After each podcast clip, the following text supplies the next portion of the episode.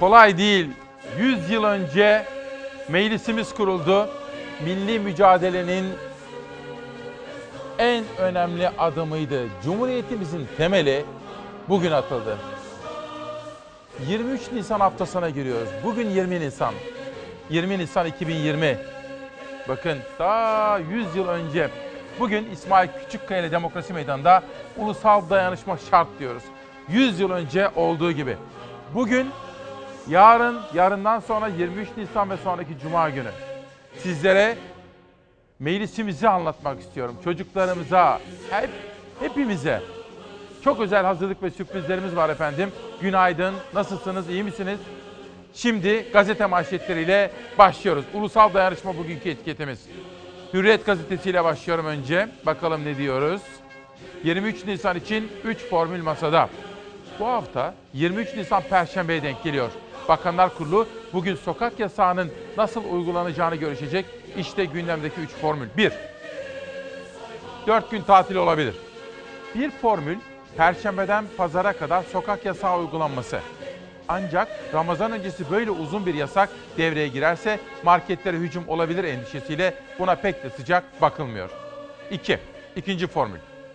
23 Nisan ve 24 Nisan'da sadece marketlerin açık kalıp diğer iş yerlerinin kapatılması gibi bir formül üzerinde duruluyor. 25 ve 26 Nisan'a denk gelen hafta sonunda da 31 ilde sokağa çıkma yasağının uygulanması düşünülüyor. Üçüncü alternatif çözüm paketine göre. 23 Nisan'da tatil olsun. Cuma günü iş yerleri normal mesai yapsın. Hafta sonu 31 ilde yasak uygulanması. Son karar Cumhurbaşkanı ve Bakanlar Kurulu'nun efendim. İşte bugün bu konudaki detayları aldığımız haberleri sizlere anlatmaya gayret edeceğim. Hürriyetten Sözcü'ye geçiyorum. 23 Nisan haftasında kaç gün tatil ya da daha doğrusu şöyle söyleyeyim. Sokağa çıkma yasağı kaç gün uygulanacak? İşte temel sorulardan biri bu. Sözcü. CHP'li ne yapsa yasak, AKP'li ne yapsa serbest. İktidar virüs önlemlerinin başladığı günden beri CHP'li belediyelerin halka yardımlarını çekemiyor, engelliyor. AKP'li belediyeler ise ses çıkarmıyor. Oysa Türkiye büyük bir salgın yaşıyor. Önemli olan zordaki halka yardımı ulaştırmak. Yardımın partisi olmaz. Kimin ulaştırdığı önemli değil. Yeter ki vatandaşlar bu zor ve sıkıntılı günleri az zararla atlatabilsin. Ama ama ne mümkün. CHP'li belediyelerin halktan olumlu not almasını istemeyen iktidar, muhalefet belediyelerinin bağış toplamasını, yardım kolisi dağıtmasını, hatta ücretsiz ekmek dağıtmasını yasakladı. Ancak AKP'li belediyeler koli de ekmekte dağıtabiliyor diyor. Sözcü gazetesi bugün birinci sayfasında Mersin'den Kayseri, İstanbul, Balıkesir'den çok farklı belediyelerden fotoğrafları yansıtıyor. Mersin'de CHP'li Büyükşehir Belediyesi halk ekmekte üretilen ekmekleri vatandaşa ücretsiz dağıtacaktı. Bakanlık bunu engelledi. Geçiyoruz Kayseri'ye. Büyükşehir Belediye ekipleri mahalle mahalle gezerek ekmek dağıttı. Bakanlık onlara ses çıkartmadı. Çünkü AKP'li belediyeydi diyor Sözcü gazetesi.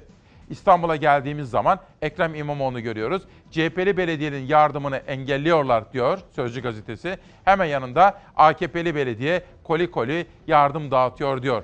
İşte Sözcü gazetesi bugün CHP'li ne yapsa yasak, AKP'li ne yapsa serbest manşetiyle çıkmış efendim. Günaydın. 20 Nisan 2020 günlerden pazartesi. Hilal hazır mıyız? Günün ilk manşetiyle başlıyoruz. Artık Nisan ayındayız. Güneşin, ısınan havanın, canlanan doğanın cazibesi sizi dışarıya davet edecektir. Güneşin, sokakların çekiciliğine biraz daha direnmek zorundayız. Sağlık Bakanı Bahar'a aldanmayın diye seslendi, evde kalın çağrısı yaptı.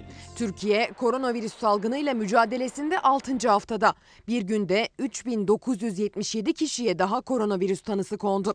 Tespit edilen yeni vakalarla birlikte toplam hasta sayısı 86.306'ya yükseldi. 1922'si yoğun bakımda.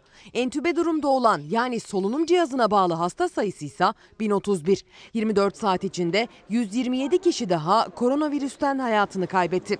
Bugüne kadar ölenlerin sayısı 2017'ye çıktı. Tedbirlere gösterdiğimiz özen meyvelerini veriyor. Biz günlük test imkanlarını artırırken sorumlu davranışlarınız da yeni vaka sayılarını azaltacak. Sağlık ordumuza ve sağlık sistemimizin gücüne güvenin. Tedbiri elden bırakmayın. Tedavi gören 1523 kişinin daha iyileşmesiyle koronavirüsü yenen toplam hasta sayısı 11.976'ya ulaştı. Sağlık Bakanı Fahrettin Koca Twitter üzerinden 19 Nisan'ın koronavirüs tablosunu paylaştıktan hemen sonra sosyal medya üzerinden paylaştığı videoyla bahara aldanmayın evde kalın çağrısı yaptı. Biz çok daha büyük bir baharı bekliyoruz. Onu geciktirmeyelim, sabırlı olalım. Büyük bahara daha var, evde kalalım. düne göre daha iyi bir noktada olduğumuzu rahatlıkla söyleyebiliriz. Ama tabii bu her şeyin kontrol altına alındığını, tehlikenin geçtiğini göstermiyor. Çünkü bu tür dalgalanmalar olabilir. En ufak bir gevşeme, rahavete kapılma, sosyal izolasyonun e, ihmal edilmesi tekrar bu e, eğriyi dik hale getirebilir ve bulaşmayı artırabilir. Riskli bir noktadayız. Önümüzdeki bir hafta 10 gün içerisinde bir pik noktasına erişebileceğimizi görüyoruz. Bu yüzden önümüzdeki iki haftalık süreç kritik. Uyarılar dikkate alınır, gerekli izolasyon sağlanırsa, yani insanlar evde kalın çağrılarına uyarsa koronavirüs salgınının yayılma hızı düşüşe geçecek. Yeni bir dalgalanma yaşanmazsa Ramazan bayramından sonra kademeli olarak normalleşme sürecine geçiş gündeme gelebilir. Haziran başında sokağa çıkma kısıtlamalarının azaltılması ihtimali de gündemde. Her il için farklı yol haritası izlenecek. Ben Covid-19 testi pozitif çıkan sağlıkçılardan sadece biriyim. O an tek düşündüğüm şey sevdiklerim ve ailem oldu. Güneşli havalara aldanıp gerçek güneşinizi kapatmayın. Ben 112 acil sağlık hizmetlerinin bir çalışanıyım. Benim de Covid-19 testim pozitif geldi ve tedavim tamamlandı. Artık bir an önce sahaya dönmeyi ve plazma bağışçısı olmayı bekliyorum. En çok risk altında olanlar sağlık çalışanları. Hastalarla en yakın temasta bulunan ve koronavirüse yakalanan sağlık çalışanları çektikleri videolarla evde kalın uyarısı yaptı. Çabalarının boşa gitmemesi için çağrıda bulundular. Sizlerin sağlığı için çıktığımız bu yolda bu hastalığa yakalandım. Evde kaldım, hastalığı yendim. Hayat hevesi var, evde kal Türkiye. Daha önce de şehre giriş çıkışların kısıtlandığı 31 il için süre 15 gün daha uzatıldı. 30 büyük şehir ve Zonguldak'ta kara, hava, deniz yoluyla yapılacak tüm giriş çıkışlar 2 hafta daha izne bağlı kalacak. Önümüzdeki 3 hafta çok kritik geçecek. Hatice Hanım bana sormuş. Efendim bir kere bayrama kadar bu sıkı önlemlerin devam etmesi gerekiyor. Çok kritik bir süreçteyiz. Sabah Serdar Tekkül hocam yazmış. Elçiye zeval olmaz diyor. Çok sayıda anne sana mesaj iletti. Hiç olmazsa seyahat edebilelim. Bir defalık yazlıklara gidebilelim diye mesajlar geldi. Hocam dedim bunu kabul edeceklerini sanmıyorum. Riskli bulurlar. Ama annelerimizi koruyalım dedim. Yine de ben elçiye zeval olmaz dediği için Serdar hocamın ona gelen mesajları anlatmak istedim efendim.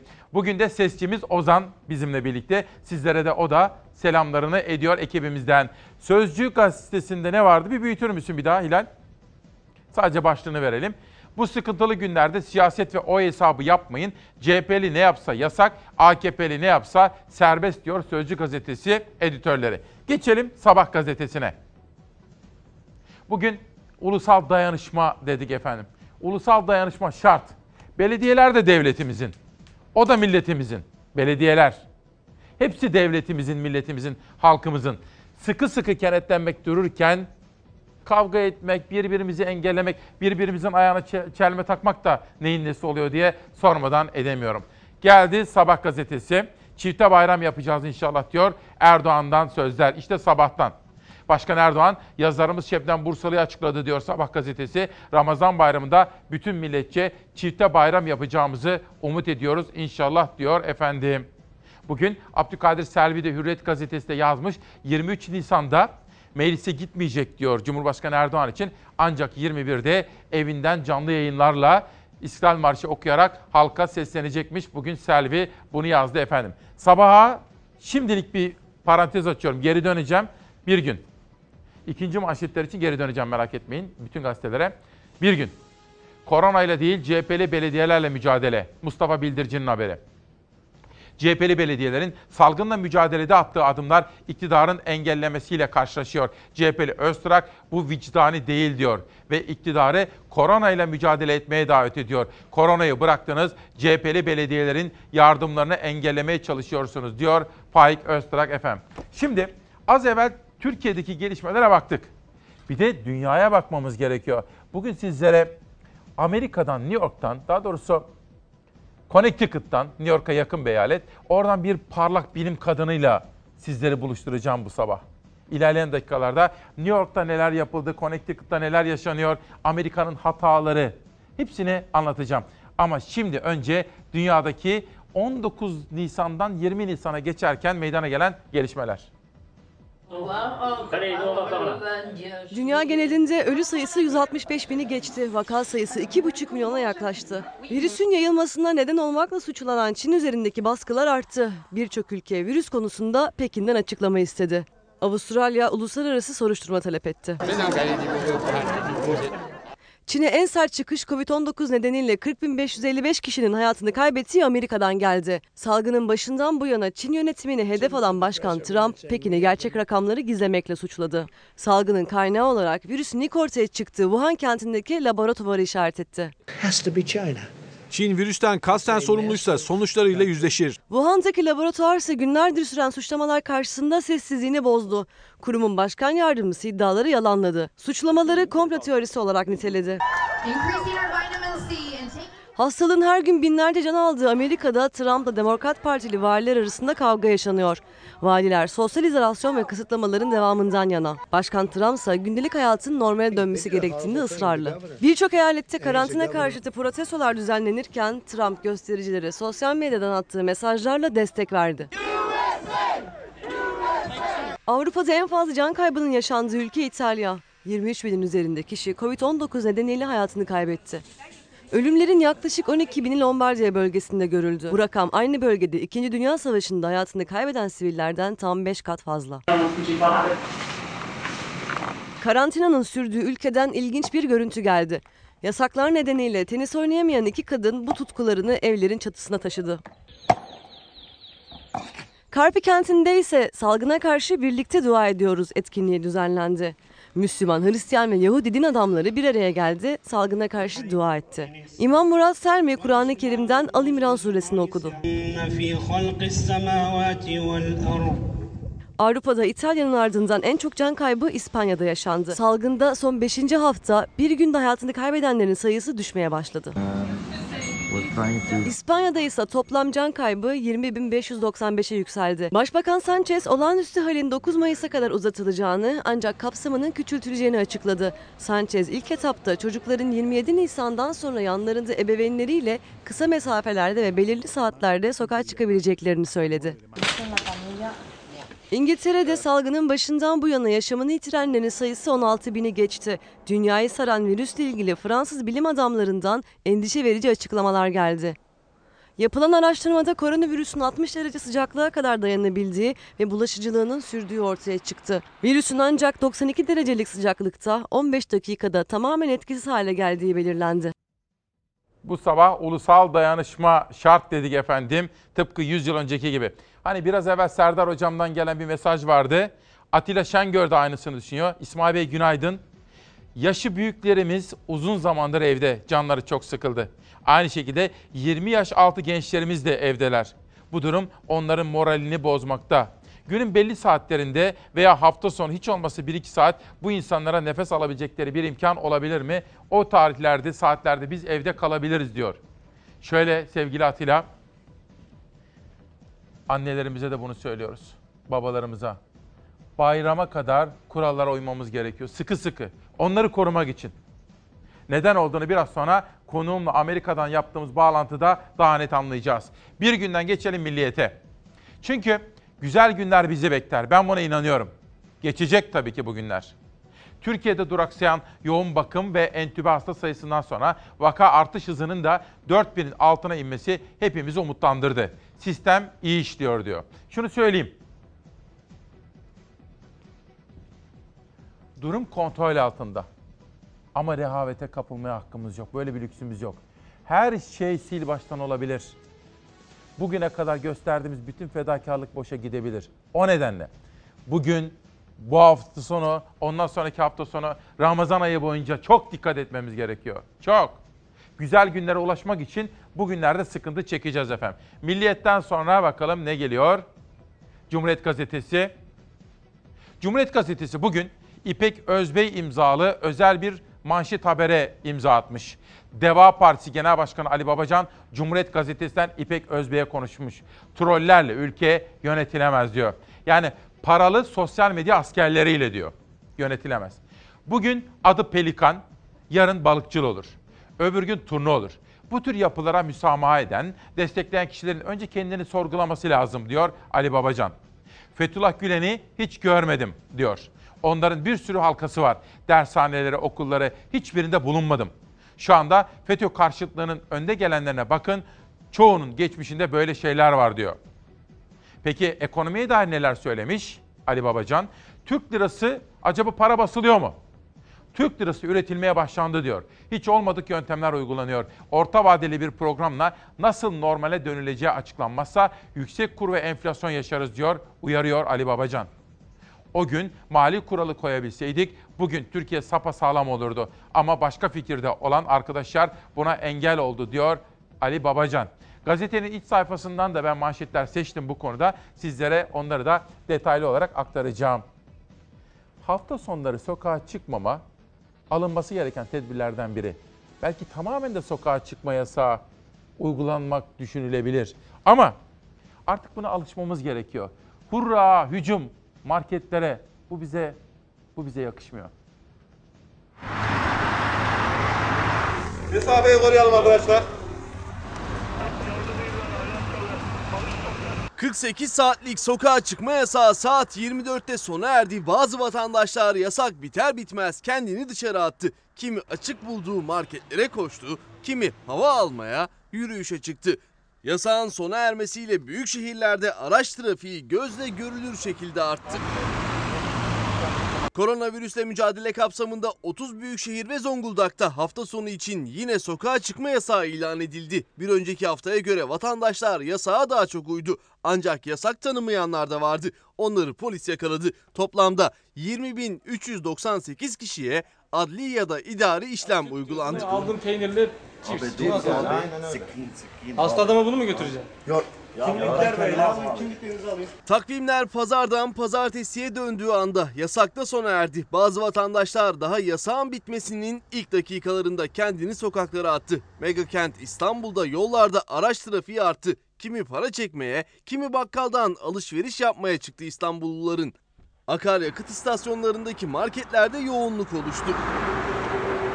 Polis denetimleri saat 24'ten sonra da sürdü. Polis ekipleri iş yerlerini açan büfe ve bakkallara 3180 lira cezai işlem uyguladı. Daha önceden de sizlere bunu tebliğ ettik değil mi? Başkent Ankara'da da benzer görüntüler vardı. Yasak bitti, Ankaralılar sokağa çıktı. Kimi aracına atladı, başkent sokaklarında turladı, kimi yürüyüşe çıktı. Polisler vatandaşları gerekmedikçe dışarı çıkmamaları konusunda uyardı. Bursa'da ise yasağın bitmesiyle açılan marketlere, tekel bayilerine koştu bazı vatandaşlar. O anlarda sosyal mesafe unutuldu. Bazılarında maske dahi yoktu. Virüse adeta davetiye çıkarıldı. Konya'da da sokağa çıkma yasağının sona ermesiyle bazı marketler kepenk açtı. Konyalılar alışveriş yapmak için o noktalara koştu. Polis saat kısıtlamasına rağmen açık olan marketleri kapattı, iş yeri sahiplerine ceza kesti. Denizli'de ise gece ve gündüz saatleri karışmış gibiydi. Gece yarısından sonra yasağın bitmesiyle Denizlililer kendini dışarı attı. Kentin en işlek caddesinde yürüyüşe geçti. O anlarda oluşan tablo bu şekildeydi.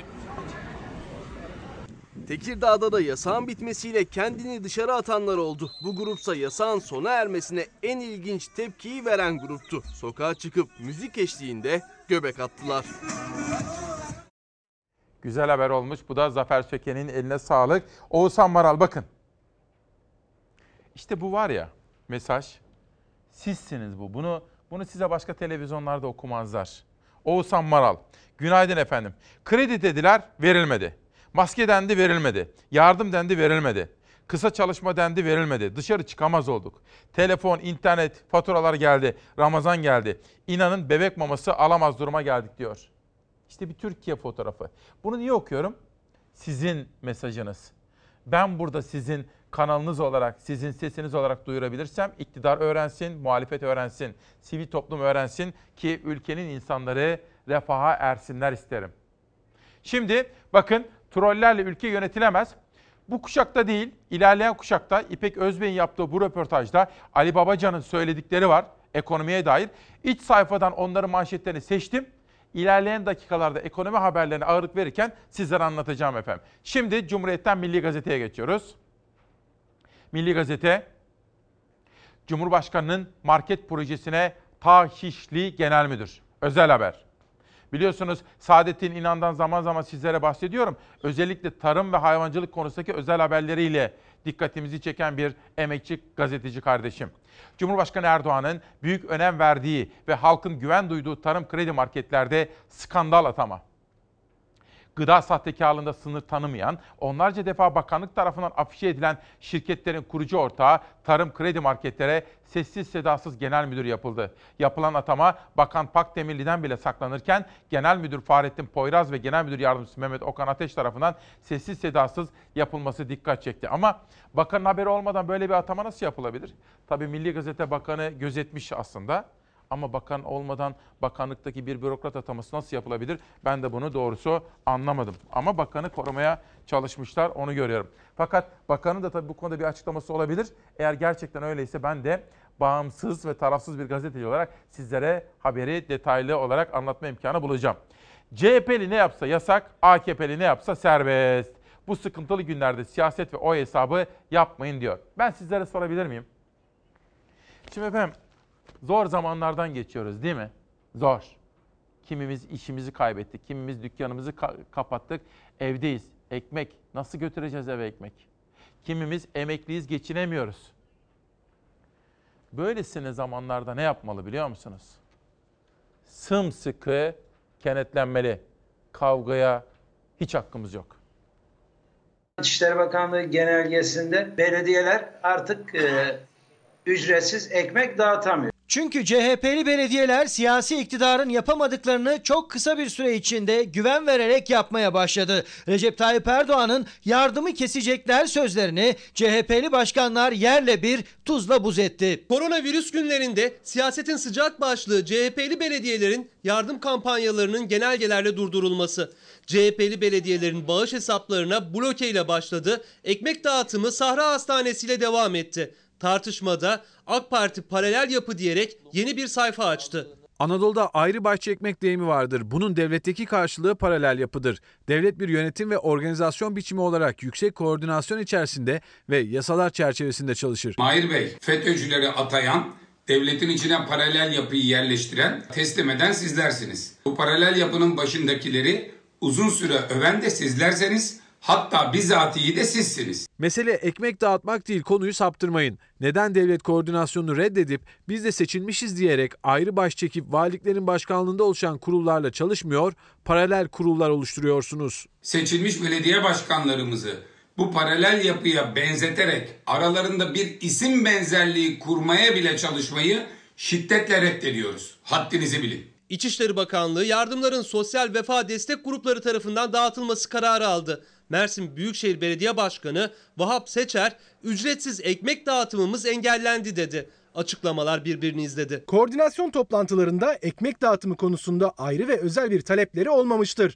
Vali yardımcımız da kendilerine ücretsiz ekmek dağıtımının vefat sosyal destek grupları vasıtasıyla yapılabileceğini ifade etmiştir. Bana göre büyükşehir belediyelerinin ekmek dağıtmasının e, engellenmesi anlamına geliyor ve yapamadık biz bugün bunu. Biz bu yardımları asla parti ayrımı olmadan ulaştırıyoruz. Bu durum Erdoğan'ın ezberini bozdu. İşte bu yüzden CHP'li belediyelerin yardım yapmasını engellemeye çalışıyorlar. Getirdikleri yasağın altyapısı yok, açıkça suç işliyorlar. Derhal siyasetten vazgeçerek Türkiye'deki tüm belediyelerle kendi koordinasyonları altında belediyeleri aktif hale getirsinler. Muhalefet tepki gösterirken İçişleri Bakanlığı İstanbul ve Ankara Büyükşehir Belediye Başkanları hakkında soruşturma da başlattı. Ekrem İmamoğlu'na bir zarar veremezsin. O hizmet götüremezse orada bir adam hayatını kaybeder. Ona zarar verirsin vatandaşa. Bu tür inatlaşmalara, bu tür siyasi polemiklere zamanı değil. Ne zaman ki CHP'li belediyeler yoksul vatandaşlarımıza ulaşmaya başladı,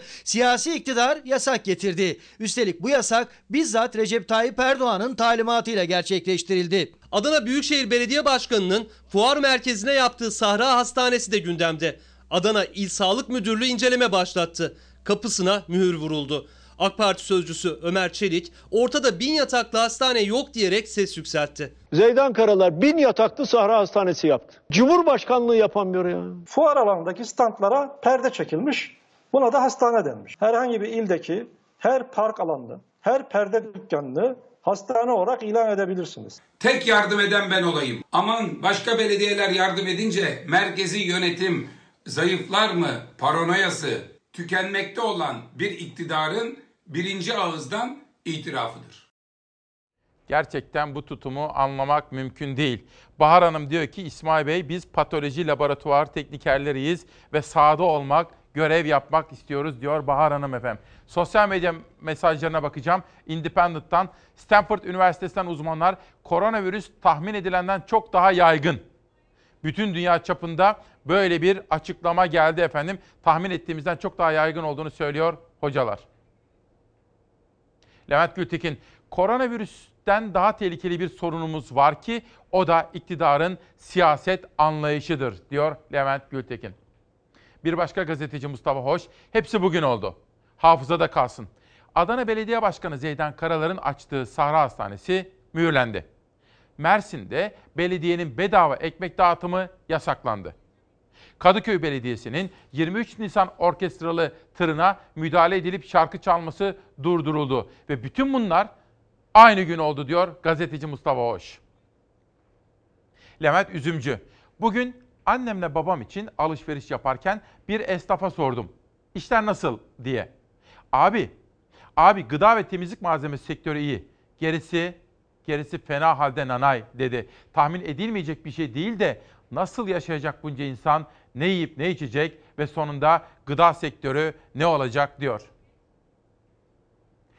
Profesör Ateşkara, Türkiye tedavide iyi. Bunu Cumhuriyete borçluyuz. Hocamız biliyorsunuz bilim kurulu üyesi ve büyük önderimiz Atatürk zamanında atılan adımların doktorlara, sağlık çalışanlarına gösterilen özenin ne kadar da olumlu yansıdığını belirtiyor yapmış olduğu açıklamasında. Ahmet Hakan, Ekrem İmamoğlu'na soruşturma açmak da neyin nesi dedi hafta sonunda çok konuşulan yazısında. Gerçekten neyin nesi? Bahattin Yücel henüz gündeme gelmedi ama 20 gün boyunca bu ülkenin tarımcıları mevsimlik tarım işçilerini Güneydoğu'dan Hatay, İzmir arasındaki ekim alanlarına getiremiyorlar. Ankara bürokrasi sorunu çözemedi. Karayolu uzun ve varış yerlerinde barınma sorununu çözemediler diyor. Bir bilim insanı geliyor. Emrah Altındiş, salgın tamamen kontrol altında. Bu iş yazın bitecek. Süreci en iyi yöneten ülkeyiz diyenler topluma bilimsel temeli olmayan bir umut aşılıyorlar. Bu ekonomik siyasi çıkarlarından ötürü olabilir ama bilimsel tahminler çok uzun sürecek bir sürecin içinde olduğumuzu gösteriyor. Yani efendim bu iş öyle kolay kolay bitmedi, bitmeyecek. Rehavete kapılmayalım. Önlemleri sıkı sıkı almaya devam edelim. Tunca Özkan bir fotoğraf paylaştı. Gazeteci Murat Ağırel biliyorsunuz Yeni Çağ gazetesi yazarı. Murat Ağırel'in bir baba olduğunu unutanlara bu çocukları babasız bıraktıklarını hatırlatıyorum. Onlar unutsa da biz unutmayacağız. Şimdi bu fotoğraf niye dikkatimi çekti biliyor musunuz? Gazetecinin çocuklarıyla olan fotoğrafını yansıtan ve bundan besbelli üzülen Tunca Özkan da 6 yıl FETÖ kumpasıyla cezaevinde yatmıştı. O da çok sevdiği kızından ve sevdiklerinden ayrı kalmıştı da onun için efendim. Şimdi izin verirseniz bir reklama gidiyorum. Dönüşte sürprizlerimizle, konuklarımızla 10.45'e kadar devam edeceğiz.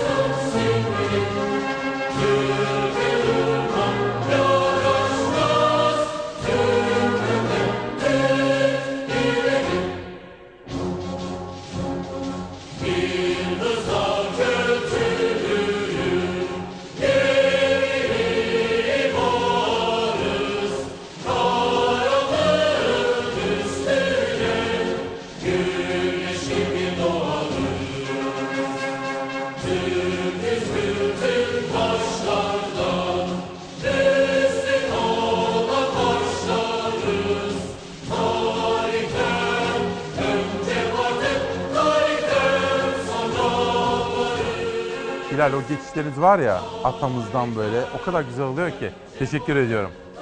Dün Hikmet Özdemir hocamı aradım. Yeni bir kitap yazıyor şu anda. Söylemem şimdiden. Ama Atatürk'le ilgili milli mücadelenin başlangıç dönemine dair sohbet ettik kendisiyle. Bu arada bugün Yekta Güngör Özden de yazısında, Sözcü'deki yazısında Cumhuriyet'in ilk kurulduğu dönemdeki ruhu bize anlatıyor. İşte ben de istiyorum ki bugün, yarın, yarından sonra Perşembe günü, Cuma günü bu hafta böyle meclisi, açılmasını, Cumhuriyetimizi, kurucularını, dedelerimizi, ulusal dayanışma gösteren büyüklerimizi saygıyla analım. Şimdi gazete manşetleriyle devam ediyorum. İkinci tur gelsin. Karar Gazetesi. Tedavi görseniz evden çıkmazdınız diyor. Koronavirüs tehlikesi hiç bu kadar etkili anlatılmamıştı. Profesör Orhan Yıldız tedavi sürecinde şahit olduğu ağır tabloyu anlattı. Sarsıcı ifadelerle 83 milyona mesaj verdi. Hastaların ne büyük ızdırap çektiklerini ve bazılarının nasıl öldüğünü gördüm diyor hocamız. Hastaların ne büyük ızdırap çektiklerini ve bazılarının nasıl öldüğünü gördüm. Eğer hastanedeki görevim olmasaydı virüsten uzak durmak için evimin kapısını kilitler, kimseye açmazdım. İşte o nedenle uyarıları ciddiye alalım, rehavete kapılmayalım, evde kalalım diyor hocamız efendim. Şimdi ikinci turda da infaz sistemiyle başlayacağım. Bu arada sabah erken saatlerde bir haber almıştım. Bir belediye başkanının evine gidiyorlar. Zile basıyorlar. Dışarıya çıkanı ayağından vuruyorlar. Şimdi ameliyathanede. Ne olduğunu araştırıyoruz. Sizlere detaylı olarak en doğru, en güvenilir, en sağlıklı bilgiyi burada anlatacağım. Bunun dışında Kanada'da bir saldırı meydana geldi. Dünya televizyonları onu konuşmaya başladı. Onu da takip listemize aldık. Onu da sizlere anlatacağım efendim. Ama önce infaz sistemi ve sonrasında yaşananlar. Ceza infaz düzenlemesiyle binlerce mahkumun tahliyesi tartışılırken İzmir'den kan donduran haber geldi. Cezaevinden yeni tahliye olan bir kişi çıkar çıkmaz cinayet işledi. İzmir'in Torbalı ilçesinde yaşandı olay. Demirören Ajansı'nın verdiği bilgiye göre infaz yasasıyla cezaevinden tahliye olan 21 yaşındaki Mehmet'i tartıştığı 44 yaşındaki Ümit Arıç'ı öldürdü. Olaydan sonra kaçtı ama jandarma yakalayarak gözaltına aldı. Cinayete kurban giden iki çocuk babası Arıç'ın cansız bedeni Adli Tıp Kurumu morguna kaldırıldı. Ceza infaz yasasından faydalanıp dışarı çıkan Mehmet'i serbest kaldığı günün ertesinde cinayet işleyince tekrar demir parmaklıkların arkasına gönderildi ama tahliye sonrası cinayet soru işaretlerini beraberinde getirdi. Son güncellemeye göre 92 bin kişi yeni yasadan faydalanıp tahliye oldu. Gazeteciler içeride tutuklanıp yatarken hırsızları, adam bıçaklayanları, kadına şiddet uygulayanları eğer biz çıkartmaya kalkarsak bunun vebali büyük olur. Muhalefetin eleştirileriyle geçti infaz yasası. Belli suçlarda cezanın yarısını yatan tahliye oldu. Denetimli serbestlik süresi de bir defaya mahsus olarak 3 yıla çıktı. Terör, cinayet, uyuşturucu ticareti ve cinsel suçlar kapsam dışı. Herkesin en çok merak ettiği ise kamuoyunun yakından bildiği cinayet dosyalarıyla gündeme gelen suç makinalarının demir parmaklıklar ardından çıkıp çıkmayacağıydı. Ceren Özdemir'in katili Özgür Arduç, Ceren Damar'ın katili Hasan İsmail Hikmet ve Emine Bulut'un katili Fedal Varan infaz indirimi kapsamı dışında kaldı. Cezaevinden çıkamayacaklar. E, tüm Çiftlik Bank ailesine hayırlı uğurlu olsun. Çiftlik Bank adı altında binlerce insanı dolandırarak milyonlarca lirayla ortadan kaybolan Tosuncuk lakaplı Mehmet Aydınsa halen firari. Yakalanıp yargılanıp hüküm giyeceği açıklandı. Yeni yasayla koronavirüs nedeniyle açık ceza infaz kurumlarında bulunan hükümlülerle denetimli serbestlik tedbiri uygulanan hükümlüler 31 Mayıs 2020'ye kadar izinli sayılacak. Salgının devam etmesi halinde bu süre 6 ayda uzatılabilecek. Bu konu çok konuşuluyor ama bugün siyaseten çok konuşulacağını düşündüğüm bir röportaj. İpek Özbey, Cumhuriyet Gazetesi adına Ali Babacan'la Deva Partisi lideriyle konuşmuş. Çok manşet olacak açıklamalar var. Biraz sonra sizlere anlatacağım. Hilal bu arada beni sabah arayan Sayın Milletvekili bir arar mısınız siz? Ben karardan postaya geçeyim. Posta gazetesinin haberini okuyacağım. Sabah böyle hazırlığımızı yaparken sabah 5 miydi 5.30 civarında mıydı? Telefonum geldi, mesajlar gelmişti. Editörümden rica ettim. O da ilgilendi meseleyi. Zeray, konuştu. Biraz sonra bağlantıda sizlere anlatacağım. Önemli bir konuda bilgi verecek bize. Cehalet affetmiyor. Bakın. İstanbul'dan gelen birinde koronavirüs çıkınca Van'daki köy karantinaya alındı. Muhtar karantina bir an önce kaldırılsın. Köyün adı kötüye çıkmasın diye. Tekrar okuyorum burayı bakın. Muhtar karantina bir an önce kaldırılsın. Köyün adı kötüye çıkmasın diye cahilce davranıp dışarıdan gelen başka kişileri saklayınca virüs yayıldı. Şu an köyde 44 kişi hasta, köye giriş çıkış kapatıldı. Fotoğrafa bakarsanız zaten maalesef işte cehaletin getirmiş olduğu durum. Yönetmenim Hilal söylüyor hazır. Sayın Milletvekili günaydın. Günaydın İsmail Bey, iyi yayınlar. Ee, çok teşekkür ediyorum. Geçmişler olsun efendim. Nedir mesele bir anlatır mısınız ya? Kim vurmuş, ne olmuş bir anlatır mısınız? Ee, Bugün sabah 4.35 itibarıyla e, kendilerini güvenlik gücü olarak tanıtan kişi ya da kişiler e, Başkan Bey'in e, evini çalma kapısını çalarak kendisini dışarıya çıkarmışlar. Bu arada Başkan Bey'e işte sol bacağından 3, sağ bacağından 2 el olmak üzere kurşunla yaralamışlar. Ve sonrasında araya giren eşine de iki kurşun sıkmak suretiyle onu da e, yaraladılar. Tam Ee, mafyatik, kendisi- tam mafyatik bir şey. Evet, evet, evet. Ee, Kimdir şimdi, bu? Nerede oluyor efendim? Onu da bir anlatın ki e, izleyenler. Yeşilova'da e, e, meydana geliyor. Yeşilova Belediye Başkanımız Sayın Mümtaz Şener. Şimdi burada e, tabii ki e, olayın kimler ya da e, yapıldığı husumeti nedir henüz bilemiyoruz. Güvenlik güçleri bununla ilgili bir açıklama yapıyor. Şu şekil yapacak daha doğrusu araştırmadalar. E, biz birazdan başkanımızın ameliyattan çıkmasını bekliyoruz. Kendisi ameliyatta. Sağ olsun hekim arkadaşlar ilgi gösteriyor. Ameliyat aldılar acilen. E, hayati tehlikesi bulunmamakla birlikte. Kendisi ameliyattan çıktıktan sonra biz de Yeşilova'ya gideceğiz. Orada e, savcı bey ve emniyet birimi arkadaşlarla görüşüp olayın daha detayında kim ya da kimler tarafından yapıldığı netlik kazanacak diye umut ediyoruz. Bir kere beni çok teşekkür ediyorum. Beni de bilgilendirdiniz. Sağ olun, var olun.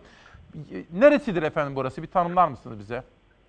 Yeşilova bizim tam da bu e, hani birkaç gün öncesinde tüm ülkenin gündemine oturan Salda'yla e, özleşmiş bir ilçemiz. Evet.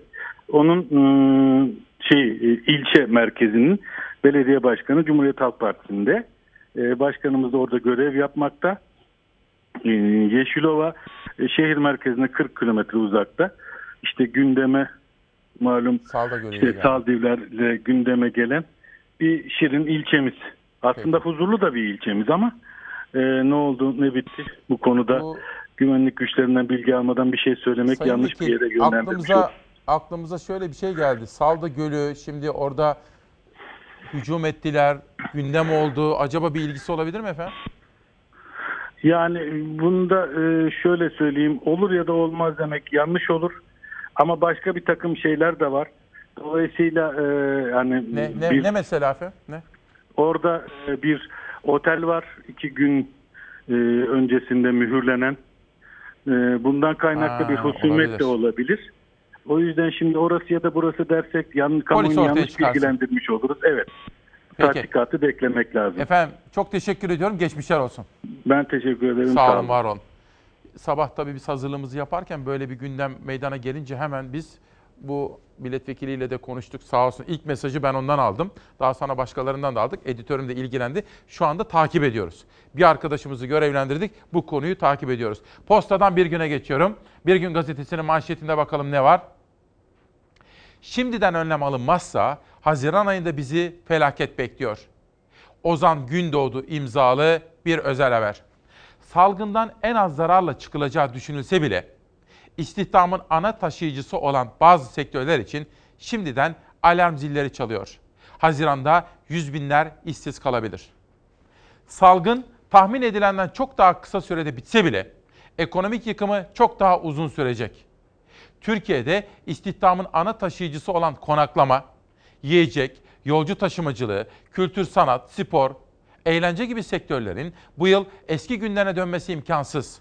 Salgının istihdamda %10'luk kayıp yaratması durumunda işsizlik oranı %22'ye yükseliyor.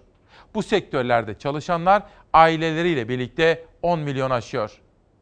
İktisatçı yazarlar Yalçın Karatepe ve Mustafa Sönmez, önlem alınması gerektiğini düşünüyorlar. Sönmez, bazı sektörlerde çöküş kaçınılmaz derken Yalçın Karatepe salgın bitse de virüs kalacak. Bu da hizmet sektöründe talebi azaltacak diyor. İki uzmanın birleştiği bir diğer konu ise ücretsiz izne çıkarılan milyonlarla birlikte TÜİK verilerinin gerçek işsiz sayısını veremeyeceği yönünde diyor efendim. Ben yönetmenimden rica edeceğim. Şimdi sabah hazırlıklarımızı yaptık. Odama geçtim. Hani takım elbisemi tam giyiyorum. CNN açık, CNN International. Kanada'da bir olay. 16 ölü var diyordu. Hemen Zafer Söken'i aradım. Haber hazır mı arkadaşlar? Kanada'ya gideceğiz. Kanada şokta. Eli silahlı saldırgan karşısına çıkan herkese ateş açtı kanlı saldırı saatler sürdü. Biri polis 16 kişiyi öldürdü saldırgan ölü olarak ele geçirildi. Kanada'nın Nova Scotia kenti kabusu yaşadı. Cumartesi gecesi bir kişi elindeki silahla etrafa rastgele ateş açmaya başladı. Önüne çıkanı vurdu, yoluna devam etti. Kanlı saldırı saatler sürdü. Pazar öğle saatlerine kadar kurşun saçtı. Saldırganı 12 saat boyunca durduramadı polis. Ölüm saçmaya devam etti. Biri polis 16 kişiyi öldürdü. Saldırganın kaçışı bir benzin istasyonunda son buldu. 51 yaşındaki Gabriel Wortmund ölü olarak ele geçirildi. Kanada polisi saldırganın terörle bağlantısı olmadığını duyurdu. Saldırıyı neden gerçekleştirdiğini araştırmaya başladı. Kanada Başbakanı Trudeau hayatını kaybedenler için başsağlığı diledi. Olayın aydınlatılacağını söyledi. Şimdi Şanlıurfa'dan bir üretici İbrahim kardeşim yazmış. Soyadımı verme abi diyor. Bana telefonu da yazmış. Milli Gazete'nin manşetini okur musun abi? Böyle bir şey olur mu? Tarıma, üreticiye. Hilal biraz sonra Milli Gazete'yi bir alır mısınız rica etsem? Bir günden bir detay daha verelim. Kim istemişti? Şanlıurfa'dan İbrahim Bey. Peki onu da aktaracağım. Her gün sizlere 20'ye yakın gazete manşetini sunuyorum. Egeli üreticilerde gelecek endişesi. Her geçen gün gübre, mazot, elektrik, vergi maliyetleri artan çiftçiler koronavirüs salgınının yarattığı problemlerle birlikte daha da zor duruma düştüler. Girdi maliyetlerine bir de işçi bulma zorluğu eklendi. Egeli üreticiler artık önlerini göremediklerini söylüyorlar. Salgın günlerinde tarımın öneminin herkes tarafından anlaşılması gerektiğini belirten Ege Bölgesi Ziraat Odaları Başkanları hükümetten destek bekliyor diyor efendim. Bugün bugün tarıma ilişkin haberlerim var. Mesela Mersin'e doğru gideceğiz, Ege'ye doğru çıkacağız, Doğu'ya gideceğiz, işte Urfa'ya da gideceğiz. Ama önce, ha pardon, Cumhurbaşkanı Erdoğan ile ABD Başkanı Trump arasında yapılan bir kritik görüşme. Görüşmenin ana gündem maddesinin koronavirüsle mücadele ve işbirliği olanaklarını araştırmak olduğu açıklandı. Ankara-Washington hattında telefonlar çaldı. Cumhurbaşkanı Erdoğan Amerika Başkanı Trump'la görüştü. İki lider ikili ilişkileri ve koronavirüsle mücadelede işbirliğini ele aldı. Tüm dünya koronavirüsle mücadele ediyor, salgının etkilerini azaltmaya çalışıyor. Pandemiyle mücadelede işbirliğinin önemi artıyor. Akşam saatlerinde Cumhurbaşkanı Recep Tayyip Erdoğan ve Amerika Birleşik Devletleri Başkanı Donald Trump arasında telefon diplomasisi kuruldu. İki lider telefonda koronavirüsle mücadeleyi görüştü. İletişim Başkanlığından yapılan açıklamaya göre Erdoğan ve Trump, NATO müttefikliğinin gerektirdiği dayanışma ruhunun gereği olarak koronavirüs salgınının kamu sağlığı ve ekonomilere oluşturduğu tehdide karşı yakın işbirliklerini sürdürme kararı aldı. Görüşmede iki lider Türkiye ve Amerika Birleşik Devletleri ilişkilerinin yanı sıra bölgesel gelişmeleri de ele aldı. Şimdi bakın İsmail Bey biz İzmir'in bir köyündeyiz. Çiftçiyiz, evdeyiz. Çünkü tarlamızı sürmek için mazot ihtiyacımız var alamıyoruz. Sesimizi lütfen duyurun. Çok mağduruz. Maske de alamadık. Daha çarşıya, pazara, markete bile giremiyoruz diyor. Bakın bir izleyelim. Şimdi yerel gazetelere şöyle bakmak istiyorum. Kütahya ile başlıyoruz. Ücretsiz maske seferberliği. Kütahya'da ücretsiz maske dağıtımı için seferberlik tüm hızıyla devam ediyor. Valilik, belediye, PTT ve sivil toplum kuruluşları tarafından bu çalışmalar yürütülmekteymiş efendim. Kütahya'dan Mersin'e geçiyorum. Büyükşehir vatandaşlara ücretsiz ekmek dağıtamadı. ve belediye başkanı diyor ki yasal hakkımız engellendi. Mersin'de hafta sonu başlayan iki günlük sokağa çıkma yasağında ücretsiz ekmek dağıtımı tartışması yaşandı diyor. Tutku diyorum. Tutku gazetesi. Gaziantep'teyim. Esnafı virüs değil açlık öldürecek. Koronavirüsten sonra birçok küçük esnaf iş yerlerini kapatmak zorunda kaldı. Ama ne işleri açılabiliyor ne de maddi yardım alabiliyor diyor. Gaziantep'ten Elazığ'a geçiyorum. Bugün de yine yerel gazeteleri Savaş Yıldız kardeşimle birlikte derleyip toparladık. Biraz sonra da Zafer Söken'le birlikte derleyip toparladığımız dış medya bölümünde Beyza Gözey'in hazırlamış olduğu haberleri aktaracağım. Ezgi Gözeger de çok sayıda çevre haberi hazırladı sizlere. Onu da söyleyeyim. Bu arada bugünkü etiket için de danışmanıma Nihal Kemaloğlu'na teşekkür ediyorum. Ulusal dayanışma etiketini de danışmanım Nihal Kemaloğlu'ndan aldım. Hafta boyunca buna ilişkin manşetleri sizlere aktaracağım. Fırat'ta özel bankalar bu süreçte sınıfta kaldı diyor. Esnaf iyi günde herkes yanımızda. Önemli olan bu zor süreçte yanımızda olmaları diyor Elazığ gazetesi. Merhaba diyorum. Konya'dayım. İslam ile bağdaşmıyor. 11 ayın sultanı mübarek Ramazan ayının başlamasına 3 gün kaldı. Bu Ramazan'da da bakliyat grubu ürünlerine ete, süte, yağa, yoğurda ve peynire zam yapıldı. Ramazan'ı fırsat bilen büyük zincir marketlerin fiyat artışına gitmesi İslam dininin koyduğu prensipler ile hiç bağdaşmıyor diyor efendim. Hadi gelin sizi enginara götürüp enginarı sever misiniz? Zeytinyağlı enginar. Hem çok lezzetlidir hem de hepinizin çok iyi bildiği gibi çok ama çok sağlıklıdır. Şu dünyadaki en güzel kişi sevmeyi sevendir. Üretici Kadın Kooperatifi ilk hasadını yaptı.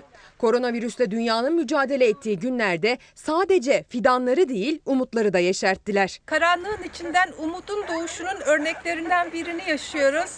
Çünkü bir tarafta kaygılıyız, bir tarafta endişeliyiz ama diğer taraftan da hayatın kendini üretmesinin bir örneğini görüyoruz. Belediye sadece kendilerine lojistik destek sağlıyor, e, moral desteği sağlıyor. Ama tüm üretim kadınlarımızın elinde, kadınlarımızın elinde güzelleşiyor. Dünya buna inansa, bir inansa,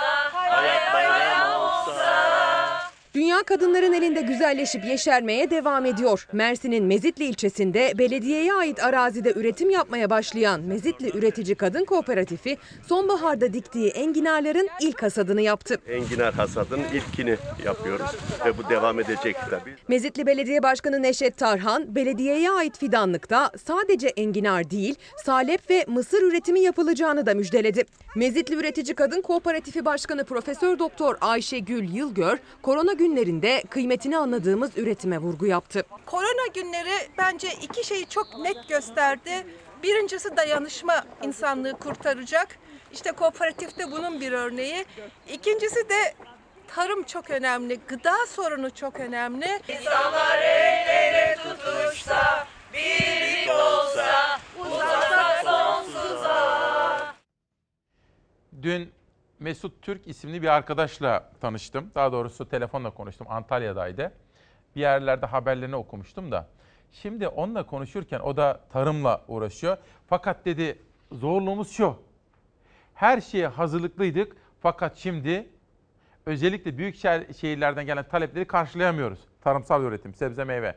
Neden? Çünkü kargo şirketleri çalışmıyor. Özellikle hafta sonları.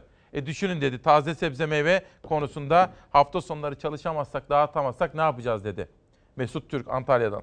Mustafa Ezici o da Antalya'da. Çiftçi arkadaşlar, köylü arkadaşlar lütfen eski alışkanlıkları bırakalım. Artık alternatif ürünlere yönelelim. Tropikal meyve bunun için çıkış noktası olabilir diyor Mustafa Ezici. Tarım bizim en çok önem verdiğimiz konulardan belki de birincisi efendim. Her zaman önceliğimiz orada. Financial Times gazetesine bakıyoruz ve Putin henüz Rusya'da tabii kontrol altında olduğunu söylüyor yaptığı bütün açıklamalarla ama zirve noktasını salgında görmediklerini belirtiyor Rusların lideri. Geçiyorum Almanya'ya.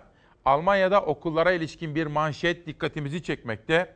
Tabii okullar kapalı. Uzaktan eğitim yapılıyor ama sınavlar ne olacak? İşte Almanya'da yanıtı aranan mesele bu. Çünkü dijital sınavlar başlamak üzere. Sayfanın ortasına bir baktığımız zaman aslında Türkiye'de de sıkıntı olabilir bu konuda. Berlin klinikleri mali krizden korkuyor. Hastaneler boşalmış.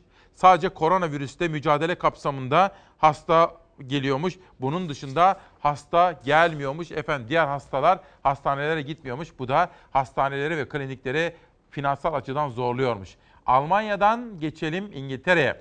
The Daily Telegraph gazetesinde şimdi bu çok önemli. Hani öyle diyorlar ya bakın burası önemli. Bakın burası önemli. Şimdi Almanya'da ve İngiltere'de uzaktan eğitim, tabii bütün dünyada yapılıyor ama İngiltere'de uzaktan eğitim yapıldığı zaman çocukların üçte ikisinin bu bilgilere sahip olmadığı, ulaşamadığı çünkü internete bağlanamadıkları, özellikle fakir çocukların bu konuda geride kalabileceklerine dair bir haber analiz dikkatimi çekiyor efendim. El Mundo gazetesine geçiyorum. İspanya'dayız. İspanya'nın El Mundo gazetesinde fotoğrafta bir ikiz çocuk görüyorsunuz. Onlar koronavirüs ikizleri diye tanımlanıyor. Koronavirüs döneminde dünyaya gözlerini açtılar. Onun hemen altındaki habere şöyle bir baktığınız zaman ise İspanyolların üçte birinin henüz maskeye ulaşamadıklarına dair bir haber analiz dikkatimizi çekiyor. Geçelim Fransa'ya. El Mundo'dan Le Monde gazetesine. Le Monde gazetesinin manşetinde koronavirüs bugüne kadar benzeri görülmemiş bir küresel göçe neden olacak deniliyor. Türkiye'de mesela yurt dışındaki vatandaşlarını ülkeye getirmek için büyük çaplı organizasyonlar yaptı. Sayfanın tam ortasında entelektüel bir isim, dünya entelektüellerinin belki de en tanınmış, en saygın isimlerinden Edgar Morin'in bir röportajı. Diyor ki bu kriz çok uzun zamandır kısıtlanmış zihinlerimizi de açmalı diyor. Aslında hayatlarımız ve bedenlerimiz kısıtlandı ama zihinlerimizi de çok uzun zamandır aslında kısıtlamıştık diyor Edgar Morin yaptığı açıklamada. Şimdi dünyaya bakıyoruz. If he wants a fight, he's not going to get it from me. When somebody's the president Kim Amerika Birleşik Devletleri Başkanıysa tüm yetkiler ondadır. and that's the way it's got to be. Trump ve Demokrat Partili valiler arasındaki anlaşmazlık kızışıyor. Valiler karantina devam etmeli dedikçe Trump normal hayata dönülmesi konusunda açıklamalarda bulunuyor. İşsizliğin 22 milyona ulaşarak zirve yaptığı ülkede karantina karşıtı protestolar düzenlendi. Virüsün en sert vurduğu New York'ta belediye başkanı Trump'ı sert sözlerle eleştirdi.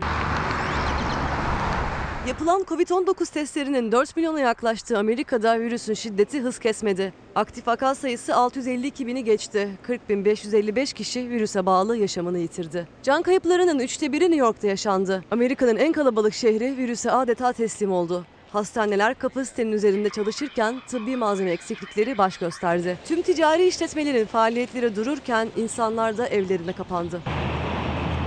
Trump ekonominin korunması amacıyla eyaletlerin ticari faaliyetlerine geri dönmesi gerektiğini savundu. Bu savunmasını geçtiğimiz günlerde tüm yetki bende diyerek yaptı. Valilerin eyaletleri açma kararı vermemesi halinde müdahale edebileceğinin sinyalini verdi.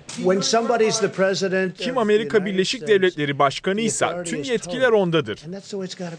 Ardından bu söyleminden geri adım attı Trump. Karar valilerde biz de onlara yardım edeceğiz dedi. Montana eyaletinin cuma günü açılacağını, Ohio, Dakota ve Idaho eyaletlerinin de 1 Mayıs sonrası kademeli olarak açılması konusunda tavsiye verdi. Trump destekçileri ülkenin birçok yerinde karantina karşıtı protestolar düzenledi. Bunların bir adresi de Teksas oldu.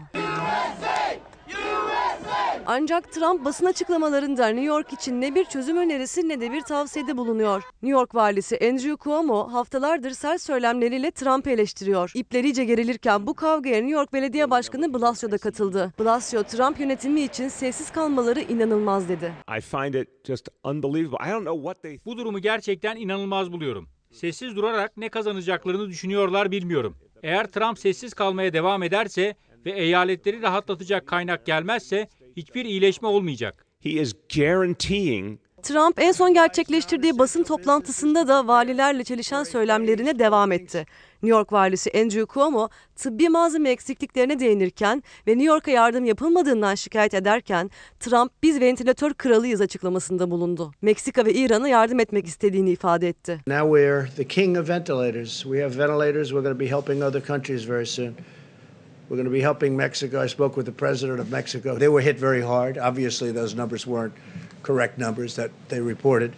But if they needed help, if they needed aid, if they needed ventilators, we have thousands of ventilators uh, currently on hand. Trump elinde fazladan ventilatör olduğuna değindi. Başka ülkelere yardım edecek kapasiteye sahip olduklarını vurguladı. Ancak valiler öyle düşünmüyor. Özellikle New York valisi Andrew Cuomo yaşadıkları eksiklikleri bu sözlerle dile getirmişti. I look at actions, not words. Ben eyleme bakarım, sözlere değil. Yardım mı yapmışlar? O zaman soruyorum, nerede bu yardımlar? Nerede ventilatörler? Nerede eldivenler? Nerede maskeler? 400 ventilatör gönderdim diyorlar. Ben ne yapayım 400 ventilatörü? Bana 300 bin lazım.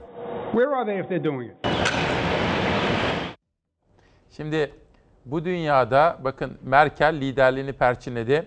Dün Kanada'da bir tanıdığım var demiştim ya ona da sordum. Steph dedim nasıl durum Kanada'da? Justin Trudeau parlıyor dedi. Popülaritesi %80'e çıkmış. Çünkü her gün dayanışma diyormuş. Her gün işbirliği diyormuş. Dayanışma, işbirliği diyen, her gün halkını şeffaf bir şekilde bilgilendiren liderlerin çağı geliyor efendim. Onun da altını çizelim. Bu arada İzmir'den Rıza Akça bana bir video yollamış. Evde ekmek yapılma videosu. Yayından sonra şöyle bir inceleyeyim de bakayım. Sizi Kars'a Ezgi Gözeger'in hazırladığı bir çevre haberine götüreceğim. Ama önce bakın Hani biz yerel gazetelere önem veriyoruz ya. Batman Çağdaş dünya sanatçısı biliyorsunuz Ahmet Güneştekin Batmanlıdır. Ahmet Güneştekin bazı sivil toplum örgütlerinin kitap figürünü andıran Batman'ın yeni il halk kütüphanesine adının verilmesi için kampanya başlatmasına teşekkür etti ve ekledi. Çok mutlu olurum. Keşke vali de bu sesi duysa. Bizzat da tanıdığım için söylüyorum. Tabii Batman'ın yetiştirdiği bir sanat insanıdır Ahmet Güneştekin oradaki kütüphaneye onun adının verilmesi çok şık bir jest olur ve sanatı da sanatçıyı da desteklemiş oluruz efendim. Sayın Valiye de buradan ve bütün Batman'a sevgilerimi sunmak isterim. Ardahan'dayım. Göle Haber Gazetesi Tohum Kara Borsa'da. Yaşanan koronavirüs COVID-19 ve şap salgını nedeniyle ellerindeki hayvanları satamayan çiftçiler tohum, mazot ve gübre alamamanın sıkıntısını yaşıyor. Koronavirüse rağmen tarımsal faaliyetlerini sürdüren çiftçiler tohum bulamamaktan şikayetçi olurken tohum fiyatının mazot fiyatına ulaştığını ve tohumun kara borsaya düştüğünü ileri sürdüler diyor efendim. Şimdi gidelim çevre haberi. Artık hepimizin çok iyi bildiği gibi biliyoruz değil mi efendim? Biz çevreye saygılı davranmazsak başımıza daha çok belalar gelir. O nedenle çevremizi korumamız gerekiyor. Biz köyümüzü terk etmek istemiyoruz. Hayvancılıkla ve tarımla uğraşmak istiyoruz. Büyük şehirlere, mega kentlere gitmek istemiyoruz. Kaymakam Bey bizzat bize dedi ki 4 gün süreniz var. Köyü boşaltmaları için sadece 4 günleri kaldı. Evler, tarlalar, meyve bahçeleri, cami, okul binası. Yakında bütün köy baraj sularına gömülecek. Kimi istimlak bedelini hiç alamadı, kimi de aldı ama iddiaya göre biçilen fiyat değerinin çok altındaydı. Üstelik gitmeleri için elektriği ve suyu olmayan bir yer gösterildi köylüye. Nereye gideyim? On nüfusum var. Bu eve 80 milyar çıkmış. Ben 80 milyarına gideyim ne iş göreyim? Ev alamam. Ev alamam, alamam, çalışanım yok. Burası Kars'ın Sarıkamış ilçesine bağlı 1600 nüfuslu Karakurt köyü. Köyde 2000 yıllık bir kiliseyle 20 tane de tarihi ev bulunuyor. 6 yıl önce köyden geçen Aras Nehri üzerine bir baraj ve hidroelektrik santrali kurulmasına karar verildi. Acele kamulaştırma yapıldı. Tarım ve hayvancılıkla geçinen köylünün evlerini boşaltmaları istendi. Ancak aradan geçen zaman zarfında köylülerin sadece yarısına ödeme yapıldı. Diğer köylüler iddialarına göre tek bir kuruş dahi alamadı. Yaşlı anam var. Engelli çocuğum var. Çocuğumun raporu da burada gösterebilirim. 60 bin lira para vermiş. 60 bin lirayla şimdi su geldi ağzımıza dayandı. Biz ne yapacağız? Arazim olarak 7,5 dönüm. İçerisinde ıhlamur ağacı, tut ağacı, elma, kayısı, ayva, ceviz. Bir ekmek olmuş bir buçuk milyon. Neyle geçimeydin? İnşaat 2019 yılının sonunda tamamlandı. Baraj Şubat ayında su tutmaya başladı. Köylüler de Ankara'ya giderek milletvekillerine dertlerini anlattı. Çek Cumhuriyeti kökenli şirketle görüşme yaptı. Verilen sözler tutulmadı. Bize söz verildiği gibi geldik buraya. iki aydır gördüğünüz gibi su gelmiş buraya. Adam hesabıma 30 bin lira para vermiş ve devletimize diyor ki ben bunun hesabına para yatırmışım. Ben 30 bin lirayla nereye gideceğim peki? Köyü boşaltmaları için verilen süre 4 gün sonra doluyor ama köylüler çaresiz. Ödenen paranın yeni bir ev almaya bile yetmeyeceğini söylüyorlar. Kaldı ki giderlerse nasıl geçineceklerini de bilmiyorlar. Bir de koronavirüs salgını var elbette. Özellikle yaşlılar için endişe içindeler. Ben yaşlı bu bana bakır. İyi. Babası anası babası yok. Ha, mağdur durumda. İddiaya göre köyün nakledileceği adreste dağ başında elektriği ve suyu olmayan bir yer. Karakurt köylüleri yıllardır duyulmayan seslerinin artık duyulmasını istiyor. Çok geç olmadan. Ben bu nüfuslarımı nereye götüreyim? Bir buçuk milyon ekmek olmuş. Neyle kayırım bunları? Biz mağduruk, biz yerimiz yurdumuz. Bir ağaçlara bakın, bir yerimize bakın, yurdumuza bakın. Biz mahrum kalmışık. Bize el uzatsın. Sayın Cumhurbaşkanımızdan yardım istiyoruz. Köylü burada tarımla ve hayvancılıkla uğraşmak istiyor. Tarım, üretici, hayvancılık bizim için en önemli yaşam kaynaklarından ve haber kaynaklarından birisi. Biraz sonra sizleri Amerika'dan bir bilim insanı, bir bilim kadınıyla tanıştıracağım. Etkileneceksiniz biliyorum. İlk defa televizyonlarda göreceksiniz onu. Bülent diyor ki, Bülent Ongan, İsmail, iş yeri kapalı olduğu için çalışamıyorum. Yan gelirim yok. İstanbul'da mahsurum. Ailemin yanına gitmek için seyahat izin kurulu izin vermedi. Gelirim yok. Ben bu koca kentte ne yapacağım diye soruyor Bülent Ongan. Ahmet Tümay, uzun yıllardır tanıdığımız hocamız diyor ki sevgili İsmail senin dayanışma mesajlarını yerine getirmeye çalışıyoruz bizler de. Öğrencilerimizin uzaktan eğitim alması için ne gerekiyorsa yaparız tamamen ücretsiz diyor. Ahmet hocama da teşekkür ediyorum efendim. Bu arada dün Levent Uysal'la konuştum. O da biz dedi hibe ediyoruz. Üniversitemizde dedi Nişantaşı Üniversitesi'nde solunum cihazları ürettik. Bana hastanelerin isimlerini yolladı. 10 ayrı hastane hiç para almadan. Onları bağışladık dedi. İşte böylesine zamanlarda kenetlenmemiz gerekiyor. Hilal hazır mı bağlantımız? Hadi hep beraber New York'a gidiyoruz. Sevgili hocam günaydın. Ha, Günaydınlar, günaydın. nasılsınız? Size size öğleden sonra dememiz lazım değil mi? Saat kaç şu anda orada? Ee, sabaha karşı saat 2. Hocam çok teşekkür ediyorum size böyle minnettarım. Rica ederim. kırmadınız. Hocam önce sizi bir Rica tanıyabilir miyiz? Tabii, e, ben Sertaç Kip, e, 1986 e, Çapa Tıp Fakültesi mezuniyeti sonrası e, klinik biyokimya ihtisası yaptım. Sonra tıbbi biyoloji genetik doktorası yaptım Marmara Üniversitesi'nde. Ardından e, Marmara Üniversitesi Gastroenteroloji Enstitüsü'nde küçük bir hepat- hepatit B ve hepatit C moleküler biyoloji laboratuvarı kurduktan sonra bir yıllığına Mayo Clinic'e e, gittim. E, Rochester, Minnesota. E, bu e, 1998 yılındaydı. O bir yıl, iki oldu, üç oldu. Şimdi 22 olmuş durumda. E, Şimdi ve, ne yapıyorsunuz e, mesela şekilde- şu anda bugünlerde ne üzerine çalışıyorsunuz ya da en son dönemde? Ee, şu an e, ben e, Mayo Clinic'te e, anatomik ve klinik e, patoloji ihtisası yaptım. Sonra moleküler genetik patoloji üst ihtisası. E, ardından Geisinger'da e, medikal direktör olarak, moleküler laboratuvarın direktörü olarak çalıştım. E, daha sonra da Sinai'ye ait olan e, Semafor denilen bir genetik genomik laboratuvar var. E, orada medikal direktör olarak görev yapıyorum. E, e, hem kalıtsal hastalıklara bakıyoruz. Hem de onkolojik e, hastalıklara. Şimdi. E, onların genetik e, dizi analizini yapıp e, herhangi bir tedavi onlara uygun verilebiliyorsa onu vermeye çalışıyoruz. Ama şu son dönem e, özellikle e, korona e, virüsünün testiyle e, ilişkili epey bir hızlandırılmış çalışma içine girdik. Ve e, geçtiğimiz hafta e, RT-PCR denilen bu koronavirüsünün RNA'sını e, tanımlayan bir testi e, e, piyasaya sunduk. Hocam şimdi bu virüs nedir? Bu nereden çıktı? E, bu virüs e, artık e, herkesin e, şimdiye kadar hiç duymadığı e, Wuhan e, denilen bir e, Çin bölgesinden e, çıktı. Ama şu an herkes biliyor. E, bu e, Çin e, bir pazar e, diye düşünün.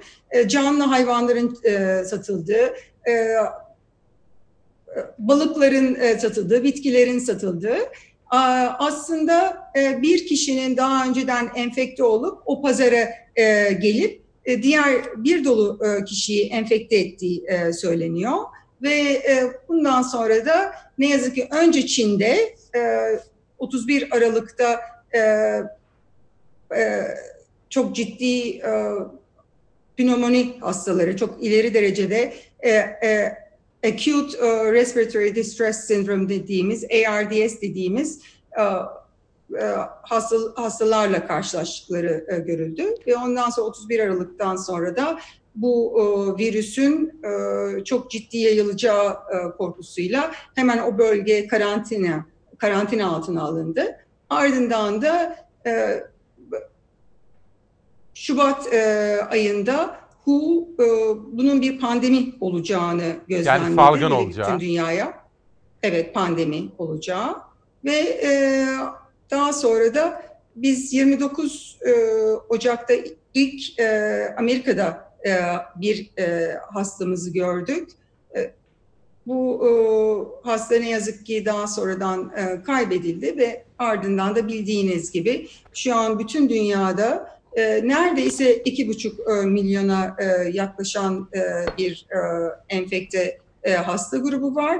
E, ne yazık ki 165 bin kişi hayatını kaybetti.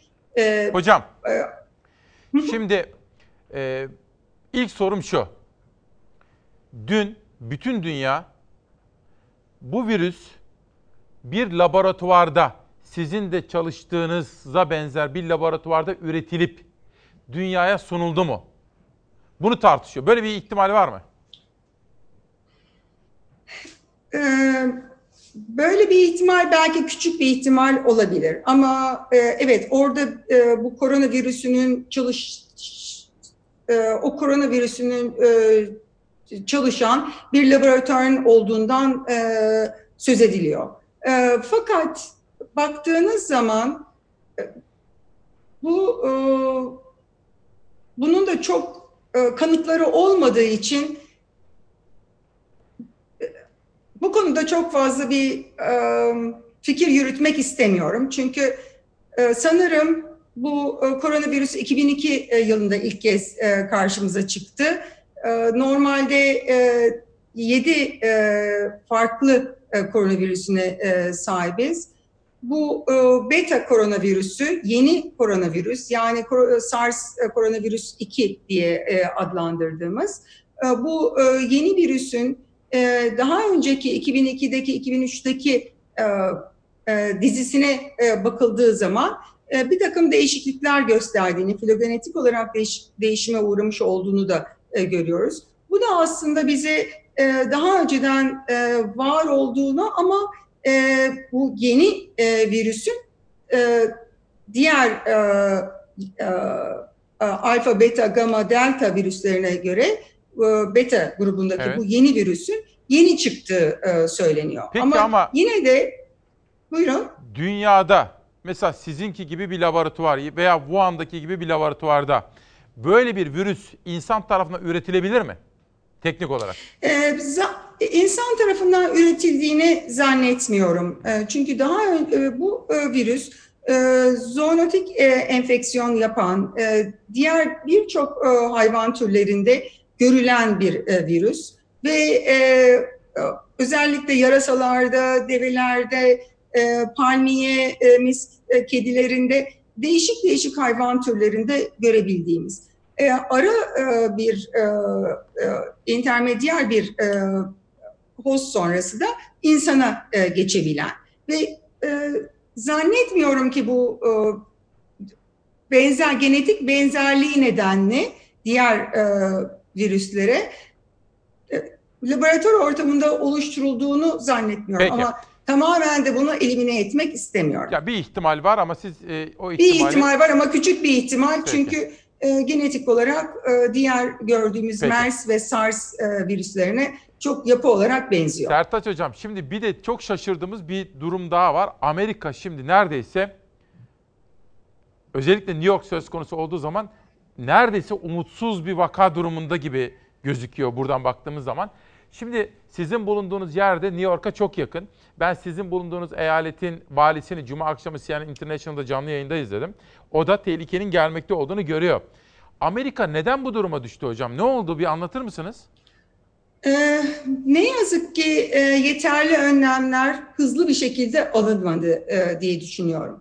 Bu e, belki e, e, uçaklar e, ayın Mart 16 e, sanırım civarında e, e, hava yollarının e, uçakları yavaş yavaş azalmaya başladı.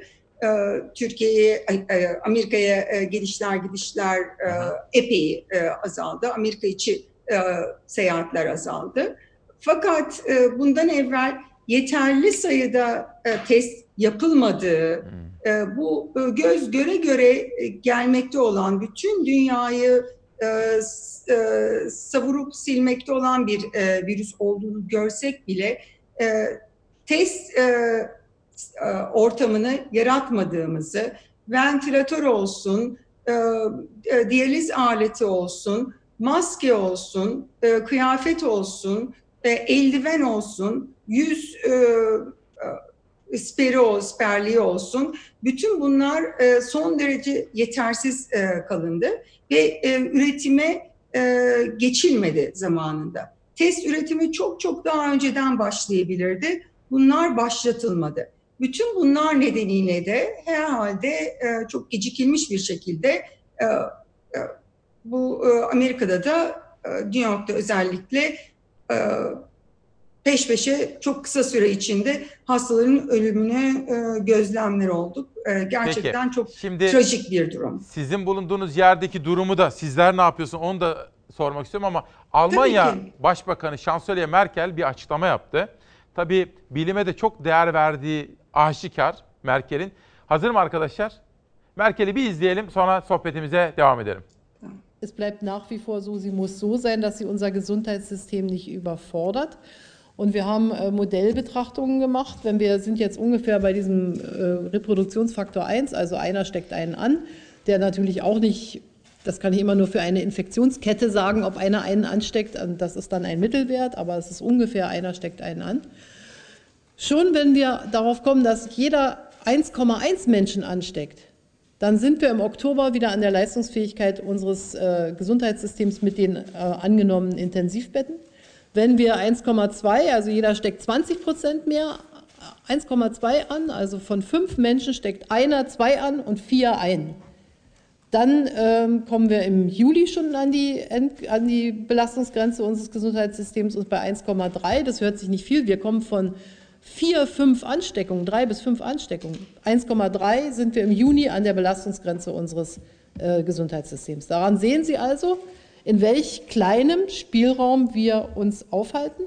Und die ganze Entwicklung basiert darauf, dass wir davon ausgehen, dass wir eine Infektionszahl haben, die wir überblicken können, die wir nachverfolgen können und dass wir mehr Schutzkonzepte haben und durch die mehr Schutzkonzepte auch mehr Lo- Lockerungen machen können. Aber es ist ein dünnes Eis, wie Herr Tschentscher gesagt hat, oder eine fragile Situation oder ein, ein wirklich eine Situation, in der Vorsicht äh, das Gebot ist und nicht Übermut. Almanya Başbakanı Merkel bunun yayılma hızının ne kadar da aslında riskli ve tehlikeli olduğunu toplumsal açıdan irdeliyor Merkel. Hocam şimdi siz bir laboratuvarda çalışıyorsunuz, doçentsiniz, genetik bilimi ve bütün bu konuştuğumuz konularla ilgili olarak çalışmalar yapıyorsunuz. Aşı ve tedavi desem size koronavirüsle ilgili. Ee, aşı e, ne yazık ki e, önümüzdeki e, bir yıl içinde gerçekleşecek desem çok doğru bir söz söylemiş olmam. Herhalde bir buçuk yıl içinde aşı bulunabilir. Ama kesinlikle buluna bulunsa bile onun ne kadar etkili olacağını bilmiyoruz. Bir de bulunup bulunamayacağını da bilmiyoruz. Ne kadar fazla çalışma olsa bile e, o hala bir e, muamma e, demekte yarar var. E, bu e, bunun dışında destek tedavileri yapılıyor.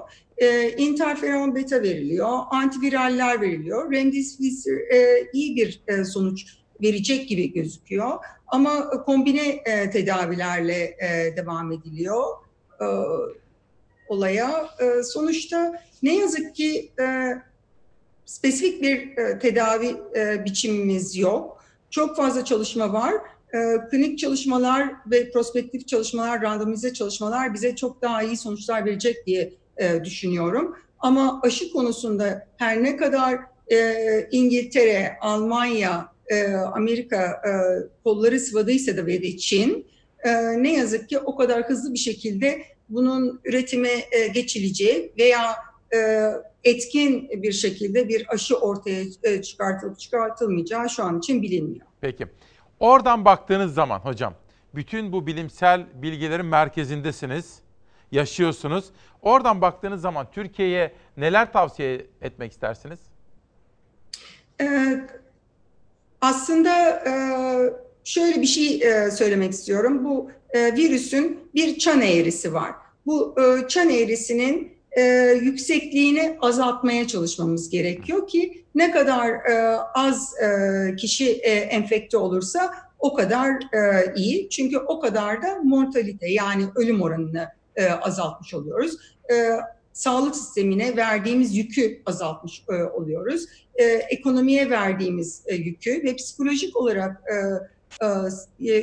e, yaratılmış olan bu e, son derecede anksiyete e, yaratan, e, depresyon yaratabilen bu enfeksiyonu hızını kesmiş olabiliyoruz. Bunun başta yapabileceğimiz şeylerden bir tanesi kesinlikle insanların birbirleriyle iletişimini azaltması, çok gerekmediğince sokağa çıkmamaları, e, çıkarlarsa kesinlikle maske takmaları, eldiven kullanmaları e, veya e, olabildiğince e, hükümetin hükümetin testleri sağlaması ve herkese bu testlerin yapılması.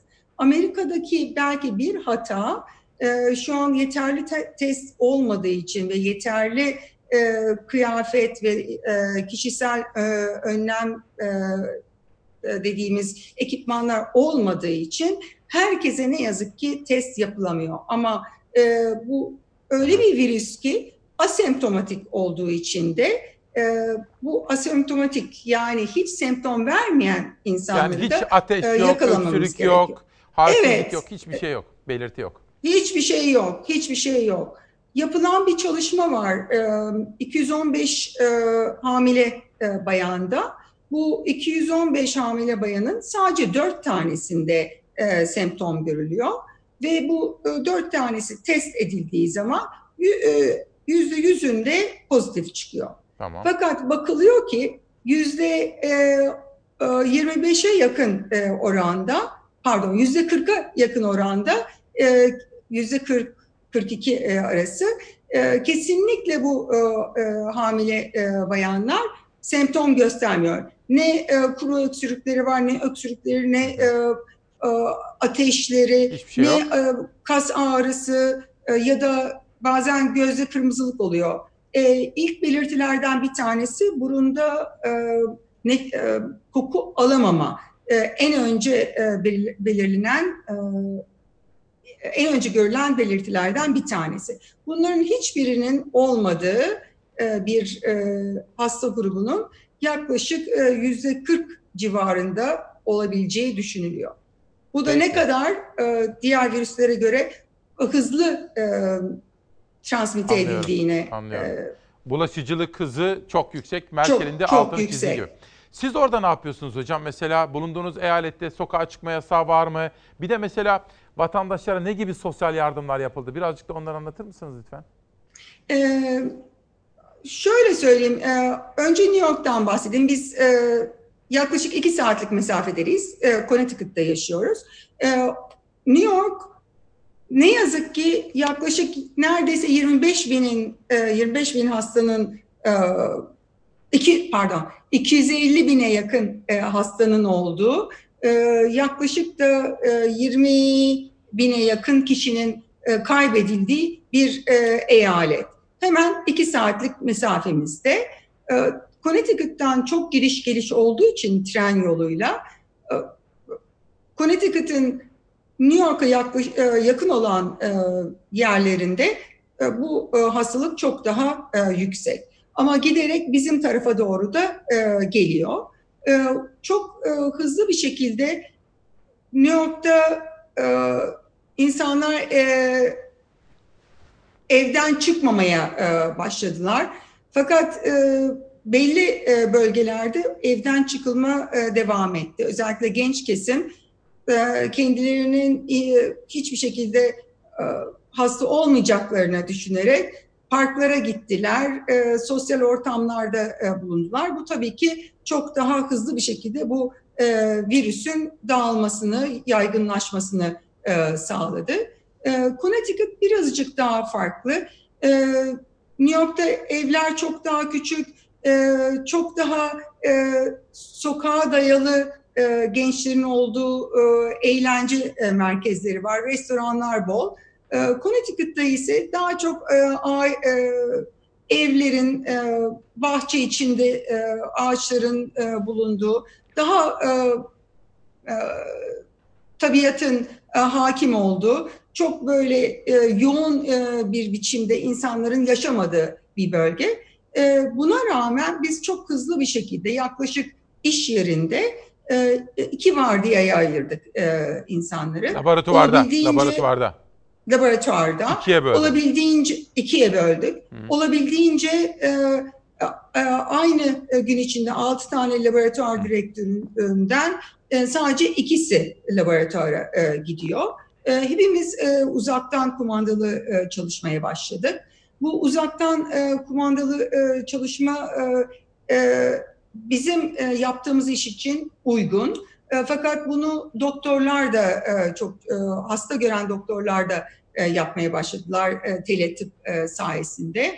E, patologlar e, Hocam uzaktan dijital kumandalı uzaktan hocam uzaktan kumandalı çalışmak ne demek? Bizim home office dediğimiz evden çalışma değil mi? Başka bir şey mi? E, Evet, uzaktan kumandalı, e, evet home office. E, Ben mesela istersem dijital bir şekilde laboratuvarda olan her şeye ulaşabilirim. Evden sonuçlara. Evden, evet internet aracılığıyla hasta raporlarını sonuçlandırabilirim. Toplantılarımız yapılıyor. Hatta bu son dönem e, evdeyiz diye cumartesi pazar bile toplantı koymaya başladılar. Nasılsa dışarı çıkmıyorsunuz. Evet. O yüzden e, evet e, Peki 15 bir şey soracağım. saatten fazla çalışabilirsiniz diyerek. dediniz ki Evet, New buyurun. York'tan New York'tan Connecticut'a tren seferleri devam ediyor. Hala ediyor mu? E, tren seferleri devam ediyor ama çok çok e, az bir şekilde e, insanlar e, bu e, e, toplu taşımacılığı kullanıyor.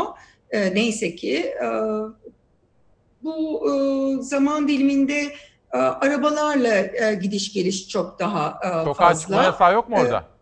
e, sokağa çıkma yasağı e, var ama herkes sokakta arabayla yalnız. E, çok ender e, dahi olsa e, günde bir yarım saatlik e, yürüyüş yapmaya çalışıyoruz e, ailecek. Ama e, belki e, sokakta e, 10 kişiye e, rastlıyoruz ama e, rastladığımız araba sayısı ise e, çok daha fazla. Özellikle bunlar e, sabah saatlerinde ve de akşam iş dönüşü saatlerinde e, esansiyel dediğimiz e, çok gerekli olmadığı sürece insanlar işe gitmiyor e, belki ama yine de e, bugün e, yiyecek alışverişi e, yapmak üzere çıktığımız zaman e, sanki normal bir cumartesi, pazar e, hafta sonu e, trafiği varmış gibi e, geldi Bir eşime şey de soracağım. bana. bana da. Size size çek geldi mi? Trump çeklerinden geldi mi? İkişer bin dolarlık. Ee, bana e, gelmedi E, çünkü e, belli bir e, kazancın e, üstünde e, olanlara vermiyorlar. E, oğluma e, bir kısım bir miktar geldi. E, onun arkadaşlarına da gelmiş ama herkese e, gelmemiş e, durumda. Oğlunuza ne kadar geldi? 600 dolar 600 dolar. ki e, o kadar çok fazla kazandığını söyleyemem. Tamam peki. Hocam son olarak Türkiye'de kim var? Sizin tanıdıklarınız, akrabalarınız kimler var böyle? Neredeler? Ee, abim, annem, e, dayım. Ee, Neredeler? Onlar birlikte yaşıyorlar. Gayrettepe'de oturuyorlar. Abim doktor.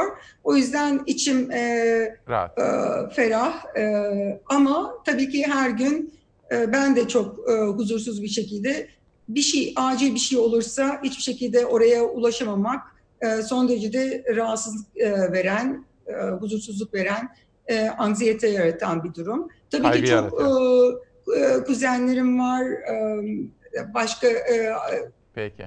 çok e, dostlarım var, hocalarım var, değerli hocalarım. E, her gün e, hasta gören arkadaşlarım var. Yani aklım sürekli onlarla birlikte. E, Hocam Buyurun. çok teşekkür ediyorum size. Sağ olun, var olun. Geçmişler olsun. Kolaylıklar diliyorum. ben de teşekkür ediyorum. Sağ olun, Hoşçakalın. Herkese geçmiş olsun. Çok teşekkürler. En- Evet işte böyle efendim 20 Nisan 2020 Pazartesi sabahında İsmail Küçükkaya ile ilerideki mavi günleri, sağlıklı günleri hayal ederken bir de bugün ulusal önderimizi, devletimizin kurucusunu, atamızı şöyle bir bakın, atamızı. Heh. Gazi Mustafa Kemal Atatürk'ü, onun silah arkadaşlarını, dava arkadaşlarını, onun etrafında kenetlenen bu ülkenin halkımızın bütün büyüklerini, şehitlerimizi ve gazilerimizi rahmetle, saygıyla anıyoruz. İçinde bulunduğumuz dönem, günler, Cumhuriyetimizin temelinin atıldığı, ulusal mücadelemizin verildiği, meclisimizin kuruluşunun üzerinden tam 100 yıl geçti.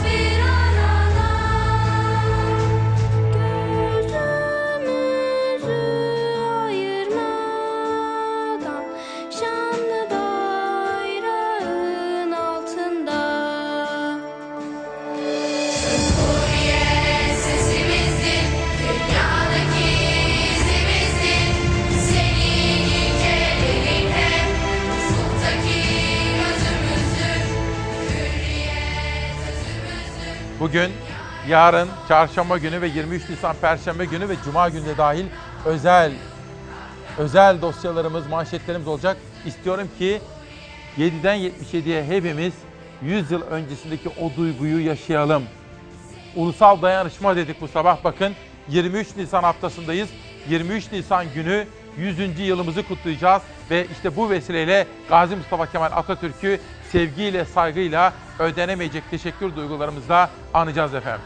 Bütün Türkiye bu coşkuyu yaşasın istiyoruz. Bugün 23 Nisan. Hep neşe doluyor insan. 23 Nisan Perşembe günü saat 21'de e, Türkiye'nin her tarafında bütün vatandaşlarımızın katılımıyla İstiklal Marşımızı hep beraber söyleyelim. Koronavirüs nedeniyle 23 Nisan stadyum etkinlikleri bu yıl yapılamayacak. Ancak Büyük Millet Meclisi'nin kuruluşunun 100. yılında Meclis Başkanı Mustafa Şentop'tan anlamlı bir davet geldi. Şentop 23 Nisan akşamı saat 9'da tüm Türkiye'yi balkonlarından İstiklal Marşı okumaya çağırdı. Ee, Yayın organlarının da o saat, o an itibarıyla İstiklal Marşı'nı gireceği şekilde bir e, hazırlıkla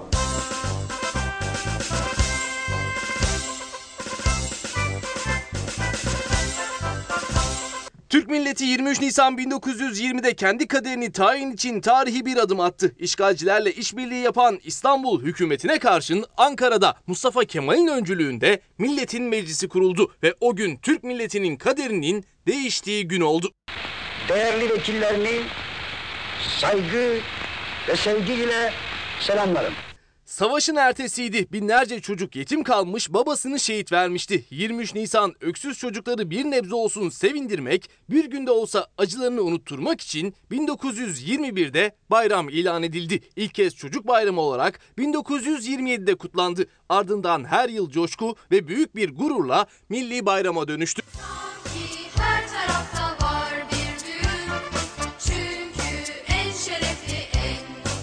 23 Nisan bir geleneği de beraberinde getirdi. İlk kez Atatürk 1933'te koltuğuna bir çocuğu kısa süreliğine oturtmuştu. Devlet geleneği günümüze kadar sürdü. Çocuklar başbakanlık, cumhurbaşkanlığı koltuklarına oturdu.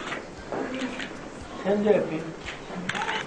Tüm dünyayı sarsan koronavirüs pandemisi nedeniyle okullar tatil edildi. Dolayısıyla 23 Nisanlarda düzenlenen stadyum gösterileri bu yıl yapılamayacak. Koltuk devri de bu yıl gerçekleşemeyecek. bugünlere gelmemizin e, sebebi olan hususlar, insanları, kişileri, e, mücadeleleri hatırlamamız lazım. 23 Nisan'ın buruk geçmemesi tüm yurtta anlamının bir kez daha idrak edilmesi için Meclis Başkanı Mustafa Şentop'tan çok anlamlı bir davet geldi. Başkan Şentop 23 Nisan 2020 akşamı saat 9'da herkesi evlerinden, pencerelerden, balkonlardan İstiklal Marşı okumaya çağırdı. İnşallah onu hep beraber saat 21'de aynı coşkuyu, aynı dakikalarda kalplerimiz e, aynı heyecanla atarak paylaşacağız, yaşayacağız. Bugün 23 Nisan. Hep neşe doluyor insan. Şimdi bakınız bana fotoğraflar da geliyor. Bir taraftan mesajlar. Manisa'dan Ece Geriter'de küçük oğlu var. Hasan'ı hazırlıyor bayrama. Zelal de dün oğlunun Deniz'in birinci yaş gününü kutladı. O da şimdi herkes çocuklara o duyguyu sizler vereceksiniz. Kıymetli anneler, kıymetli babalar. Bakın Nutuk. Nutuk nasıl başlıyor hepiniz biliyorsunuz artık. Efendiler, efendiler. 1919 yılı Mayıs'ının 19. günü Samsun'a çıktım. İşte Hikmet Özdemir'le dün yaptığım konuşmada Profesör Özdemir bana buradan başlayarak milli mücadeleye giden yolda atamızın yaşadıklarını kaleme aldığını söylüyordu. Ve şimdiden söyleyeyim 23 Nisan günü konuklarımdan bir tanesi Hikmet Özdemir olacak efendim. Onunla büyük önderimizi yani yani kahramanımızı konuşacağız. Az evvel bir izleyenim Şanlıurfa'dan İbrahim Bey isimli bir üreticimiz bana Milli Gazete'yi sormuştu. Gelsin bakalım şimdi. Milli Gazete Cumhurbaşkanı'nın market projesine tahşişli genel müdür. Saadettin İnan imzalı bir haber okuyorum şimdi size. Cumhurbaşkanı Erdoğan'ın büyük önem verdiği ve halkın güven duyduğu tarım kredi marketlerde skandal atama. Gıda sahtekarlığında sınır tanımayan, onlarca defa bakanlık tarafından afişe edilen şirketlerin kurucu ortağı tarım kredi marketlere sessiz sedasız genel müdür yapıldı. Ve yapılan atama Bakan Pakdemirli'den bile saklanırken diyor gazete editörleri. Ama doğrusu hani uzun yıllar Ankara'da görev yapmış bir gazeteci, bakanın bilgisi, onayı olmadan böyle bir atama nasıl yapılır? Çok doğrusu anlamış değilim ama bugün bu konuyu araştıracağım. Sizlere de söz veriyorum efendim. Şimdi sizi bir Muğla'ya götürmek istiyorum. Muğla, çevre sorunları, termik santral meselesi ve su konusu. Yaklaşık bir yıldır susuzluk çekiyoruz burada. Ve şu anda tüm dünyanın, Türkiye'nin, bizlerin de savaştığı Covid-19 hastalığının bu kadar yaygın olduğu dönemde şu anda en çok suya ihtiyacımız olduğu anda iki gündür sularımız kesik. Koronavirüs dünyayı kasıp kavururken onlar neredeyse 40 yıldır köylerindeki termik santraller nedeniyle akciğer rahatsızlıkları ve kanserle savaşıyor.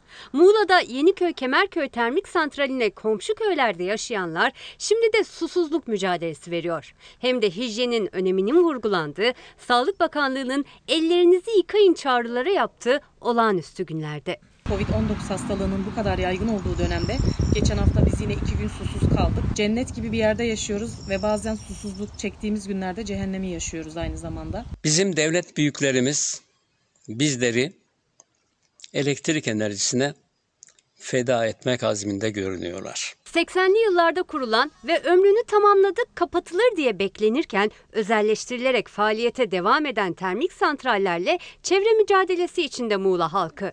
Özellikle de maden ocaklarının genişletilmesi nedeniyle merkez mahallesinde evlerinden taşınmak, topraklarından göçmek zorunda kalan ikiz köylüler. Kamulaştırılan araziler kömür için kazılıyor. Havadan manzara ürkütücü. Toprakları yeşilden griye dönerken hava santralin dumanıyla kirlenirken sularını da içemiyor köylüler. Çünkü bölgedeki kuyular, kaynaklar santraller özelleştirilirken enerji şirketine devredildi. Yani suyun kullanım hakkı termik santralde. Bizim suyumuz Yeniköy Kemerköy Yeniköy şirketinden geliyor.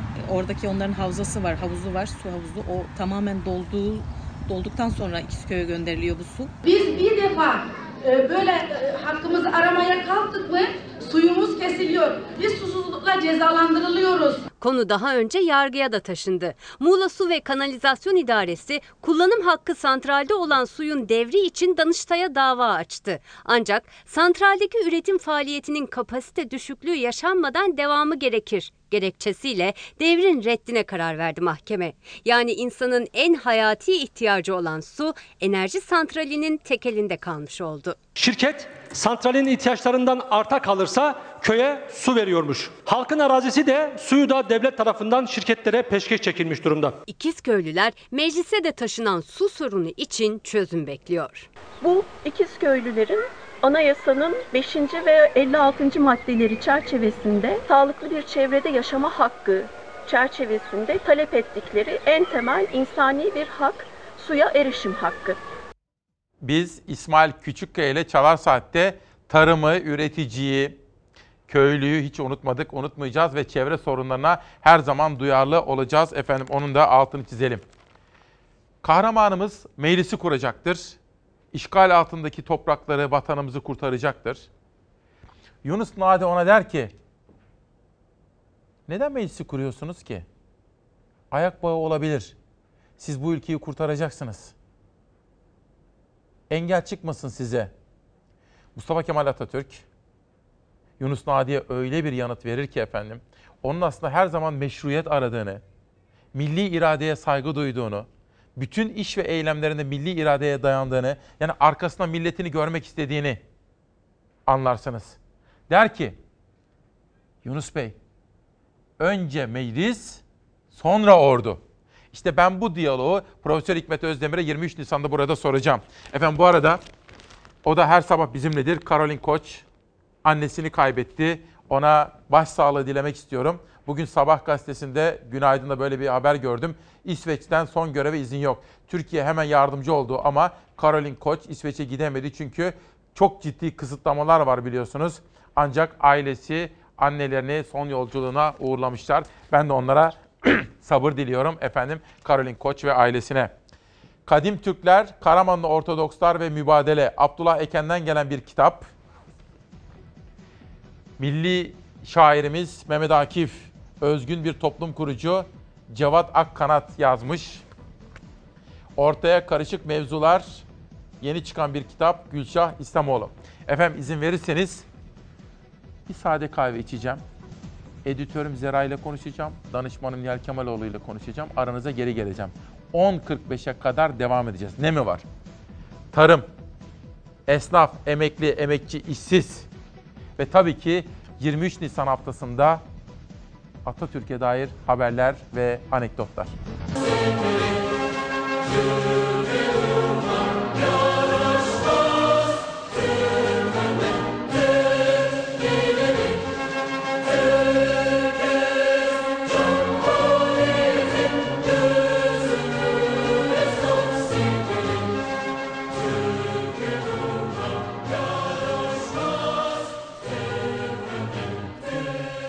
Savaş güzel klip olmuş. Elinize sağlık.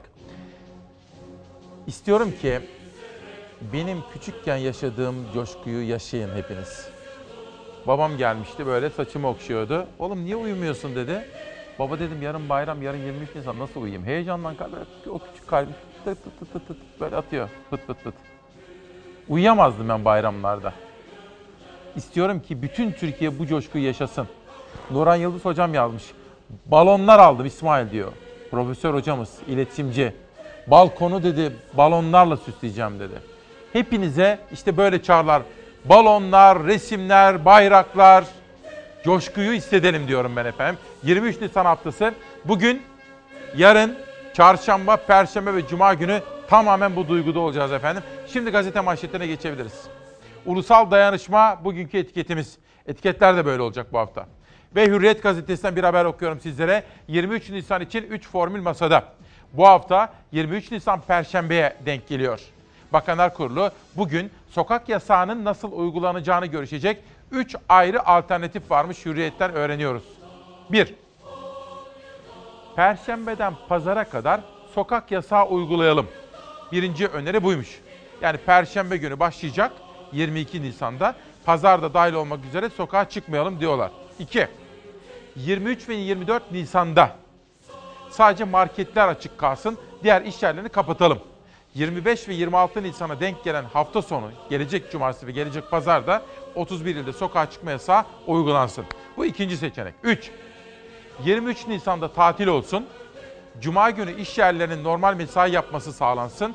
Hafta sonu yani önümüzdeki cumartesi ve pazar günü 31 ilde yasak aynen uygulansın. Bugün Cumhurbaşkanı ve AK Parti lideri Recep Tayyip Erdoğan bir, bu konuda bir karar verecekler ve açıklamayı Sayın Erdoğan yapacak denilmekte. Sabah sizlere bir haber vermiştim. Yeşilova Belediye Başkanı ve eşine saldırı düzenlenmişti. Hatta Burdur Milletvekili de bize bağlanmıştı da haberi ondan öğrenmiştik. İşte şimdi o işi yavaş yavaş anlamaya başlıyoruz. Yeşilova Belediye Başkanı ve eşi sabaha karşı evlerine gelen kişilerce vuruldu. Burdur'un Yeşilova ilçesinin belediye başkanı Mümtaz Şenel ve eşi Fatma Şenel saldırıya uğradı. Salda Gölü ile özdeşleşen ilçenin başkanlığını yapan Şenel'in ve eşinin uğradığı saldırının nedeni şimdilik muamma. Öngörünüz var mı? Şu anda bir öngörüde bulunmak yanlış olur. İlerleyen saatlerde zannederim bununla ilgili detaylar daha ortaya çıkacaktır. CHP Burdur Milletvekili Mehmet Göker sabahın erken saatlerinde çiftin kaldırıldığı hastane önünde açıklama yaptı.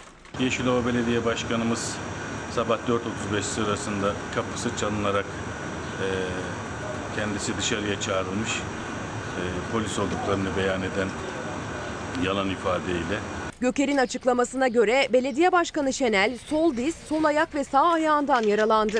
Eşi Fatma Şenel ise sağ ve sol ayağından yaralandı. Hayati riskleri yok. şu an henüz kim olduklarını tespit edemediğimiz e, bir kişi ya da kişiler tarafından her iki diz ve ayaklarından kurşunlanmak suretiyle yaralanmıştır. E, aynı şekilde e, başkanımızın eşi de e, kurşunlara hedefine dahil olmuştur. Saldırganların yakalanması için polisin çalışmaları sürüyor. Şimdi Onur Bey diyor ki ulusal dayanışma diyorsun güzel. Peki belediyeler ekmek bile dağıtamıyor. Gazete dağıtmak istiyorlar ücretsiz izin verilmiyor. Aşevleri yapıyorlar kapatıyorlar. Nasıl ulusal dayanışma sağlanacak diye soruyor Onur Bey. Sevilay Hanım biz evde bayrama hazırız diyor. Murat Köknar, İsmail kardeşim biz de bayrağımızı dünden astık. Bakın birkaç fotoğraf göstereyim sizlere. Bakın. İşte bunu istiyorum. Balkonlarda bayraklar, resimler, çocuklarımız Cumhuriyet, Cumhuriyete giden yolda 23 Nisan coşkusunu yaşasınlar. 100 yıl önce meclisimiz kuruldu. Çocuklarımız o çocuk sevincini yaşasınlar istiyorum efendim. Hepimiz bu coşkuyu iliklerimize kadar hissedelim diyorum ben de. Hürriyetten Cumhuriyete geçiyorum. Çocukların bayramı başladı. Koronavirüs önlemleri nedeniyle evlerinden çıkamayan çocuklar 23 Nisan Ulusal Egemenlik ve Çocuk Bayramı'nın 100. yılını evlerinde kutlamaya başladı. Alanya'da her yıl okullarını bayraklarla donatan çocuklar bu yıl evlerini süsledi. İstiklal Marşı ve şiirler okuyan çocuklar çektikleri videoları da sosyal medyada paylaşıyor. Ben de yarından itibaren bütün o fotoğrafları burada her gün sizlere anlatmaya çalışacağım efendim. Bu arada Cumhuriyet Gazetesi bir haber dikkatinizi çekmiştir.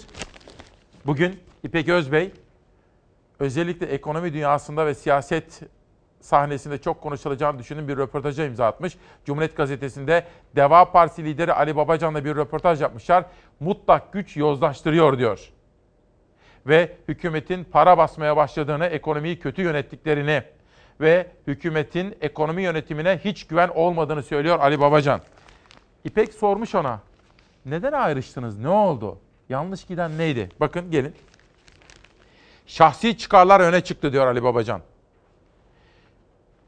2011 seçimlerindeki başarıdan sonra özgüven patlaması yaşandı. Ve şahsi gündem derken diyor bakın, şahsi, siyasi ve maddi çıkarlardan bahsediyorum.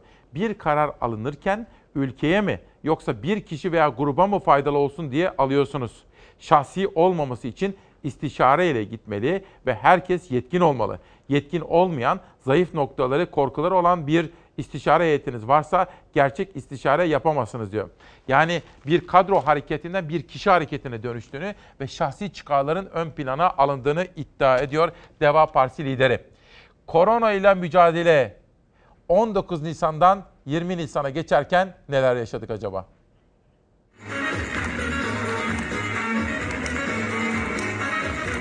Hangisinde bir tanesinde maske var? Bak.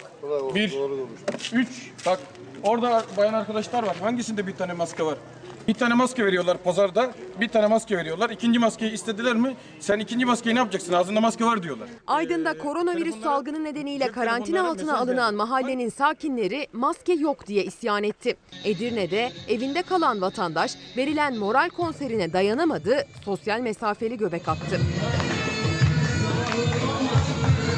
Evde kal çağrısına uymayan ailesini kolluk kuvvetlerine şikayet eden acil tıp teknisyeni ise sosyal medyada gündem oldu. Ben acil tıp teknisyeni Ali Baki Ekim. Bugün kendi ailemi dışarı çıktığı için tüm kolluk kuvvetlerini arayarak şikayette bulundum. Çorum'da yaşayan 24 yaşındaki sağlık çalışanı Ali Baki Eke kendi ailesini şikayet etti. Ot toplamak için komşusuyla birlikte kırsal alana gittiğini öğrendiği ailesini şikayet ettiğini sosyal medya paylaşımıyla duyurdu. Evde kalın çağrılarına rağmen insanların şuursuzca, bilinçsizce dışarıda gezmelerini hala anlamıyorum. Bizim bu mahallede.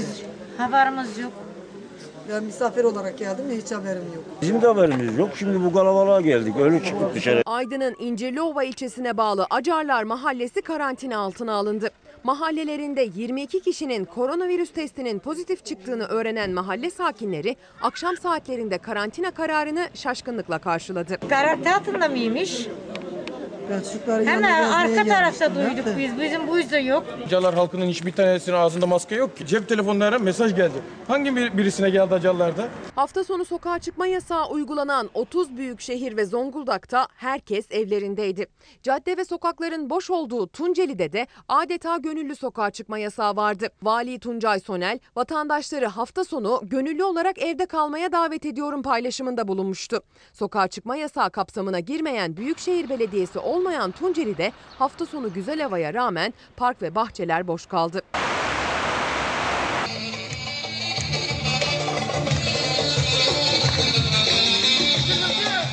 Edirne'de sokak konseri sokak düğününe döndü. Evinde kalan Edirnelilere moral vermek için konser veren yerel sanatçı Enver Camcıoğlu vatandaşları sık sık sosyal mesafe konusunda uyardı. Kendini Trakya ezgilerine kaptıran Edirneliler aralarında mesafe bırakarak göbek attı. Arkadaşlar sokulmayın birbirinize. Bakın gelirse çok biraz işitirim lütfen. Mesafeyi koruyun bakın.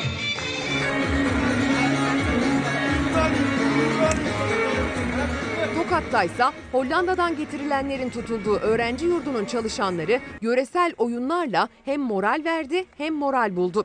17 Nisan'da Tokat'taki KYK yurtlarına yerleştirilen 349 vatandaş Tokat sarması adı verilen yöresel oyun havasını pencerelerden izledi.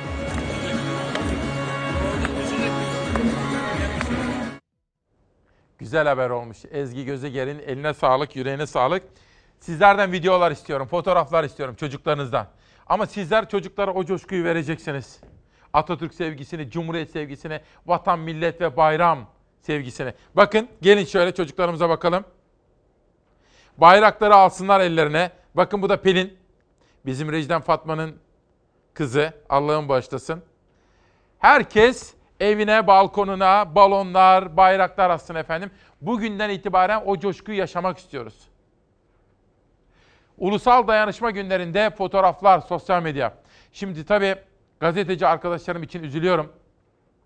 Tuncay Özkan'ın bir paylaşımında gördüm. Çünkü Tuncay Özkan da 6 yıl FETÖ kumpasıyla cezaevinde yatan bir bir gazeteciydi o zaman. Bir televizyoncuydu ve kızı kızını uzun yıllar göremedi. Hep demir parmaklıkların ardındaydı. İşte o nedenle o Barış Pehlivan'ın, Barış Terkoğlu'nun, Murat Ağırel'in, tutuklu gazetecilerin evlatlarından ve sevdiklerinden ayrı geçen günlerin acısının ne demek olduğunu biliyordu. Onun paylaşımı benim de yüreğimi acıttı efendim. Tabii bütün sivil toplumdan, eğitim kurumlarından bu ve benzeri paylaşımları görmek istiyoruz. Türk Eğitim Derneği Başkanı Selçuk Pehlivanoğlu yolladı bana. Gelin değilim ben. Ben gelin değilim. Ben daha çocuğum. Benim okula gitmem lazım. Beni çocuk işçi yapmayın. Beni çocuk gelin yapmayın diyor Türk Eğitim Derneği Başkanı Selçuk Pehlivanoğlu. Bu konuyu da çalışacağım efendim bu konuda.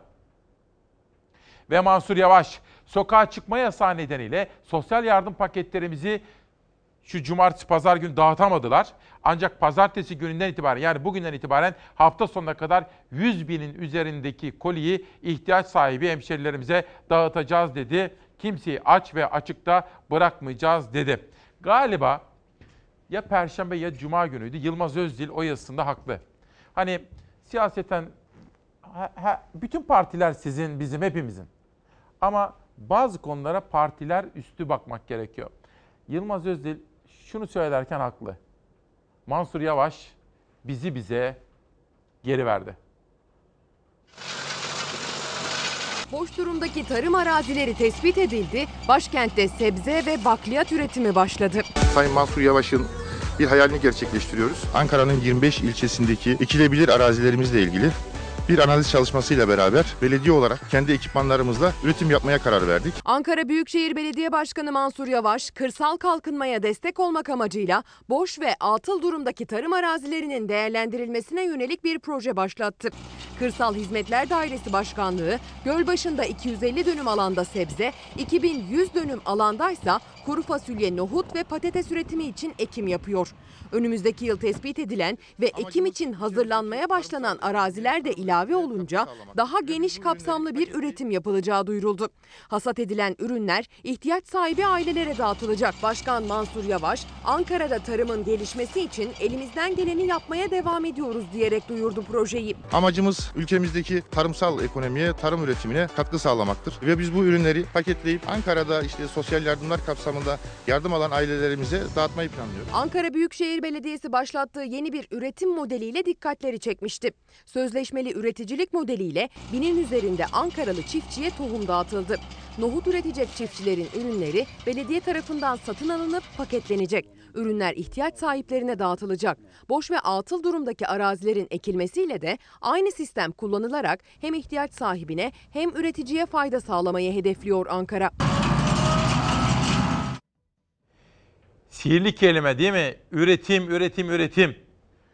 Atamız o Bozkır'da nasıl kurdu Ankara'da? Atatürk Orman Çiftliği'ni. İşte öyle, öyle bir bakış açısı ihtiyacımız var. Ve bakın şimdi sizlere Özgü ve Nil. Savaş gel bak gösterelim. Bugün kameralarda kim var? Yunus kardeşim, pardon İsmail kardeşim ve Mümin kardeşim var. Bakın. Biraz daha yakından görelim çocuklarımız. Gel Savaş, biraz daha yaklaşın şöyle. Bakın. Çocuklarımız. Ben sizlerden fotoğraflar ve videolar görmek istiyorum. Yarın, yarından sonra bana gönderin. Benim ekip arkadaşlarıma da gönderin efendim. Sözcü gazetesinde bir haber dikkatimi çekti. CHP'li ne yapsa yasak, AKP'li ne yapsa serbest. Bu sıkıntılı günlerde siyaset ve oy hesabı yapmayın. İktidar virüs önlemlerinin başladığı günden beri CHP'li belediyelerin halka yardımlarını çekemiyor, engelliyor. AKP'li belediyeler ise ses çıkarmıyor. Bir dakika pardon. Pardon Savaş. Geçen gün başka bir gazetede de vardı da. Efendim onlar CHP'li belediye başkanları değil. Hepsi bu milletin de. Ama onlar Millet İttifakı'nın belediye başkanları. Dolayısıyla sadece CHP'lilerin oylarıyla seçilmiş değiller. Bunun da altını çizmek istiyorum. Biliyorum çünkü bunun ne anlama geldiğini. Onlar millet çünkü artık Cumhur İttifakı var, Millet İttifakı var. Bugün Mansur Yavaş'a baktığınız zaman, işte Zeydan Karalar'a baktığınız zaman, Ekrem İmamoğlu'na baktığınız zaman, Tunç Soyer'e baktığınız zaman, işte Mersin Belediye Başkanı her birine baktığınız zaman Millet İttifakı'nı göreceksiniz. Ya da mesela Fatma Şahin'e baktığınız zaman Cumhur İttifakı'nı göreceksiniz. Hilmi Güler'e baktığınız zaman AK Partili demeyeceksiniz sadece. Aynı zamanda Cumhur İttifakı'nın adayı. Çünkü artık yeni bir siyaset sınıfı, yeni bir siyaset terminolojisi hakim. Şimdi bir fotoğraf burada, bir burada. Bir burada, bir burada. Onlara bakacaksınız. Ben sizlere haberi okuyacağım. Türkiye büyük salgın yaşıyor. Önemli olan zordaki halka yardım ulaştırmak. Yardımın partisi olmaz. Kimin ulaştırdığı önemli değil.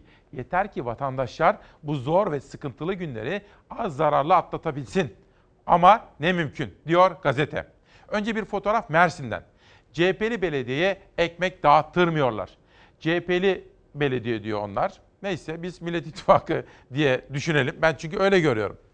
Büyükşehir Belediyesi halk ekmekte üretilen ekmekleri vatandaşa ücretsiz dağıtacaktı. Bakanlık engelledi. Hemen yanında Cumhur İttifakı'ndan bir belediye, Büyükşehir Belediyesi ekipleri mahalle mahalle gezerek ekmek dağıttı. Bakanlık onlara ses çıkarmadı Kayseri'de. Geliyorum İstanbul'a Ekrem İmamoğlu var. Başkan İmamoğlu hakkında halka yardım için bağış toplamaktan soruşturma açıldı. Başarısı istenmiyor. Hemen yanında Balıkesir var. Büyükşehir Belediyesi yardım kolileri hazırladı. AKP teşkilatları dağıttı. Onlara da ses çıkaran o olmadı diyor. Şimdi ben açık yüreklikle şunu söyleyeyim. AK Partili yöneticilere, devletimizi yönetenlere, partinin yetkili organlarına yüzde yüz iyi niyetle söylüyorum. Bu yol doğru bir yol değil. Bırakın belediyeler de çalışsın. Belediyeler de seçilmiş. Belediyeler devletimizin uzantılarıdır. Belediyeler halkımızın uzantılarıdır. Kavgaya, dövüşe gerek yok. Bırakalım. Dayanışma içerisinde kenetlenelim ve bu zorlu zamanları ulusal dayanışma ile aşalım. Hadi bunu yapalım. 250 bin, 300 bini bulacak ailelerimize kolilerimizi, paketlerimizi dağıtacağız. Ee, hem de nakit yardımı konusunda destek olacağız. Gün dayanışma günüdür. Gıda ihtiyacı olanlara gıda, nakit ihtiyacı olanlara nakit ödemelerine başlanacaktır. Devlet izin vermeden, vali izin vermeden sen banka numaraları açıklarsan, ben yardım topluyorum dersen siz başka bir devlet oluşturmak istiyorsunuz. Bu kadar açık ve net.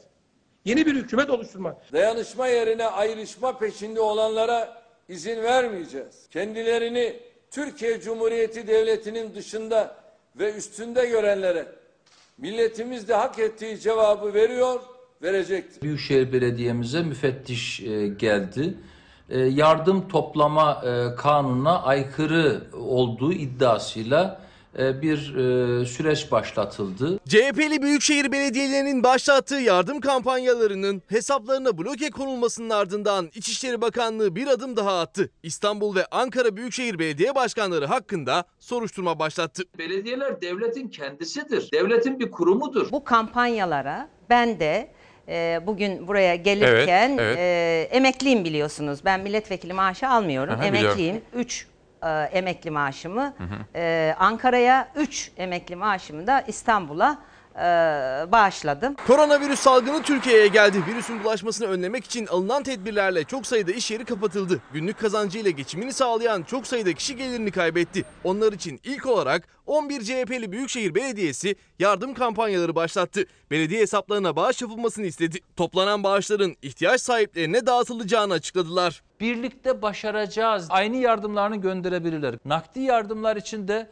yukarıda farklı bankalar üzerinden hesap numaraları açıldı. İki ayaktan oluşan bir ekonomik koruma paketini bugün itibariyle hayata geçiriyoruz. CHP'li belediyelerin kampanyasından bir gün sonra Cumhurbaşkanı Erdoğan da Biz Bize Yeteriz Türkiye'm kampanyasının başlatıldığını duyurdu. Biz bize yeteriz Türkiye'm. Kampanyayı şahsım olarak 7 aylık maaşımı bağışlayarak açıyorum. 1 Nisan'da ise CHP'li 11 Büyükşehir Belediyesi'nin yardım toplama hesaplarına İçişleri Bakanlığı genelgesiyle bloke konuldu. Devlet içinde devlet olmanın anlamı yoktur. Cumhurbaşkanı Erdoğan CHP'li belediyelerin başlattığı kampanyanın yasalara aykırı olduğunu söyledi. Yasalarda buna zaten müsaade etmiyor. Biz Cumhurbaşkanı'nın başlattığı kampanyadan sonra bir kampanya başlatmış olsaydık bu abesle iştigal olurdu. 83 milyonun kader ortaklığını sembolize eden bir projeyi dinamitlemeye çalışmak açık söylüyorum. Gafletten öte bir davranıştır. Bloke konulan hesaplar sadece koronavirüs için açılan yardım toplama kampanyaları değildi. Eskişehir Büyükşehir Belediye Başkanı Yılmaz Büyükerşen, belediyeye ait aşevi hesabının da bloke edildiğini söyledi. aşevi hesabına yardım yapmaya toplamayacaksınız. Şimdiye kadar kimlerden yardım geldiyse onlara da iade edeceksiniz. Eğer iade etmezseniz hazineye irat kaydedilecektir bunlar. Bunu böyle bilesiniz diye e, biraz da tehditkar bir e, yazı yazdılar. Milyonlarca insanın işsiz kaldığı, gelir kaybına uğradığı bir dönemde devletin kurumlarının kendi yasal haklarını kullanarak yardım e, verme konusunda bağış toplamasının ya kime zarar var Allah aşkına soruyorum. Kampanyalara izin çıkmayınca belediyeler kendi imkanlarıyla vatandaşa destek ulaştırmaya başladı. Mansur Yavaş hayırseverlere ihtiyacı olanların veresiye borcunu kapatma çağrısı yaptı. Veresiye defterindeki bir ihtiyaç sahibinin borcunu ödeyin. Yardım kampanyaları ile ilgili tartışma bitmişken geçtiğimiz cuma günü İçişleri Bakanlığı bir adım daha attı. İstanbul ve Ankara Büyükşehir Belediye Başkanları hakkında soruşturma başlattı. İstanbul Büyükşehir Belediye Başkanı Ekrem İmamoğlu bugün savunma vereceklerini söyledi. Bizi soruşturun zaten. Hukuksuz bir iş yapmış mıyız yapma. Biz kanuna aykırı bir iş yapmadık.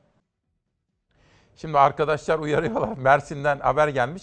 Şimdi Mersin Belediye Başkanı'nın CHP adayı olarak girdiğini orada çünkü Millet İttifakı olmamıştı. Bir takım tartışmalar olmuştu biliyorsunuz. Burhanettin Kocamaz işte neler neler hatırlayacaksınız. En son Ayfer Yılmaz yarışmıştı. Dolayısıyla böyle bir mesaj. Efendim ben bu bayram coşkusunu yaşamanızı istiyorum. Bu birlik ve beraberlik günlerinde çocuklarımız yaşı kaç olursa olsun. Bakın fotoğraflar.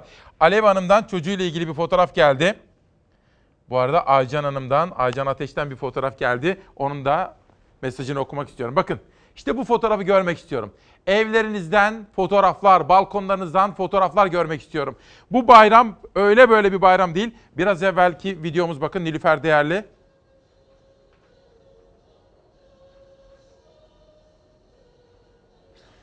Yarına da başka sürprizlerim var efendim. Bu arada Aycan Hanım da diyor ki Sevgili İsmail Bey, kızım Lal ile birlikte sizi seyrediyoruz diyor. Sizi ilgiyle izliyoruz diyor. Çok teşekkür ediyorum.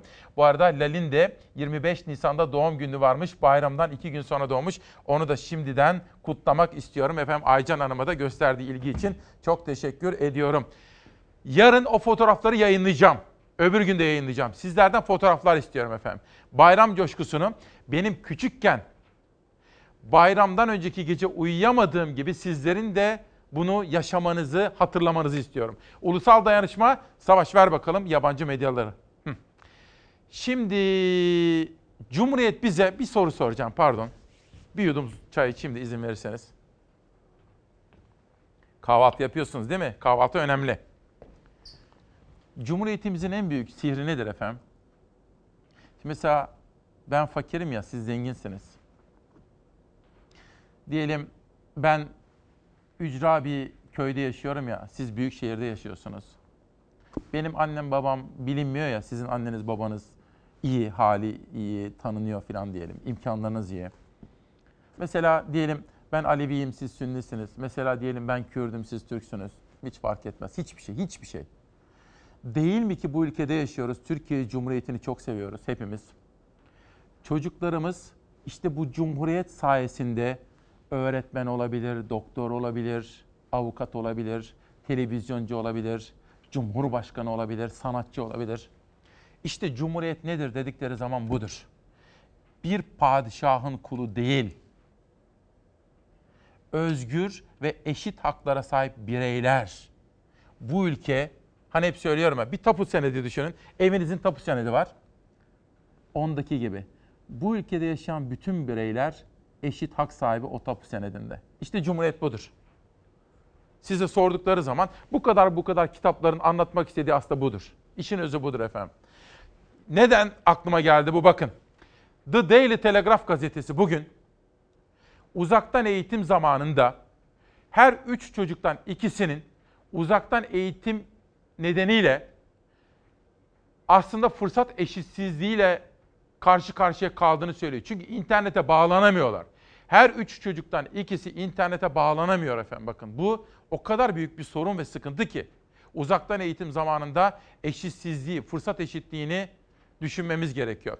Bir de Çalar Saat gazetesi gelsin. Bugün Çalar Saat gazetesini de Dilek hazırladı, Dilek çizdi. Biz oturduk kafa kafaya verdik. Daha sonra Dilek böyle bir gazete çizdi bize sağ olsun. 100. yılda çocuklar sağlık kahramanlarına minnettar. Çocuklarımız sağlık çalışanları için, özellikle sağlık çalışanlarının çocukları da bu konuda resim yapıyorlar, şiirler yazıyorlar, videolar çekiyorlar efendim. Ama bakın bilim kurulu üyesi ne diyor? Bilim kurulu üyesi Profesör Ateş Kara. Avrupa'da maddi olanaklar ve teknoloji açısından bizden iyi durumda ülkeler var. Ama sağlık personelimiz eğitim ve bilgi birikim açısından tartışılmaz Avrupa'nın en iyisi. Bunu da Cumhuriyet sonrası tıp eğitimine borçluyuz diyor efendim bilim kurulu üyesi Ateş Kara. Hiç kuşkusuz bunu Cumhuriyet'e borçluyuz. Dünyadaki gelişmelere bakıyoruz. Bu defa İngiltere ve Fransa'dayız.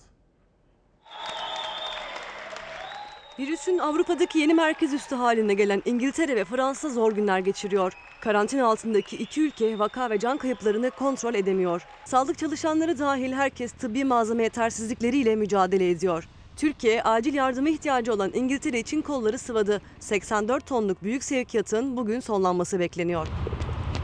103 binden fazla aktif vakanın kaydedildiği İngiltere'de can kaybı 16 bini aştı. Market ve eczane dışında ülkede tüm ticari işletmeler kapatıldı. Karantina süresi tekrar değerlendirilmek üzere Mayıs ortasına kadar uzatıldı. İngiltere Eğitim Bakanı okulların açılması için tarih veremiyorum dedi. Ülkede hayat resmen durdu. Sağlık sisteminin yetersiz kaldığı İngiltere'de tıbbi malzeme ve cihaz eksikliği ciddi boyutlara ulaştı. Can kaybındaki yükselişin sebebi de bu yetersizliklere bağlandı. İngiltere'ye bir yardım eli de Türkiye'den uzandı. İçinde 400 bin koruyucu giysinin bulunduğu yardım sevkiyatının bugün tamamlanacağı ifade edildi. Fransa'da salgından darbe üstüne darbe almaya devam ediyor. Can kayıpları 20 bine tırmandı. Vaka sayıları her geçen gün artıyor. Endişe veren açıklama Paris Belediyesi'nden geldi. Sokakları temizlemek için kullanılan sularda Covid-19'a rastlandığı açıklandı. Bu suların kullanımı durdurulurken içme sularına yapılan analiz sonrası rahatlatan haber geldi. İçme sularına virüs bulaşmadığı tespit edildi. İngiltere gibi tıbbi cihaz ve malzeme eksikliğiyle Fransa'da mücadele ediyor. Paris Belediyesi Mayıs ortasında 2 milyon maske dağıtılacağını ifade etti. Paris'te bakım evlerinde de yapılacak testlerin artırılması planlandı. Cumhurbaşkanı Macron geçtiğimiz günlerde karantina süresinin uzadığını duyurdu. 11 Mayıs olarak planlanan süre dolduğunda okulların ve ticari işletmelerin kademeli olarak açılması gündeme geldi. Bakın bir izleyenim de diyor ki Türkiye'de 3 milyon çocuğun bilgisayarı yok İsmail kardeşim diyor. 3 milyon çocuğun bilgisayarı yok diyor efendim. Bu arada Defne Lara Serter'den bir çocuğumuzdan video gelmiş. Onu yayından sonra inceleyip, izleyip ondan sonra yarına hazır hale getirebilirim. Bu arada Kemal Aktaş benim okul arkadaşım Ankara'da çok başarılıdır. Çok başarılı, kendine özgü bir tarzı da olan bir arkadaşımdır. Gazi Basın iletişimde beraber okuduk. Deniz Kurt'un çocuklarının videosunu yollamış bakın.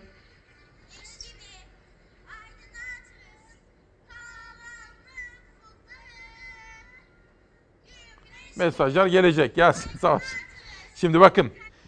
Bunları ben sizlere izledikten sonra bir kere daha yarın ve öbür gün ve cuma günü ne kadar cuma da dahil olmak üzere yayınlayacağım efendim.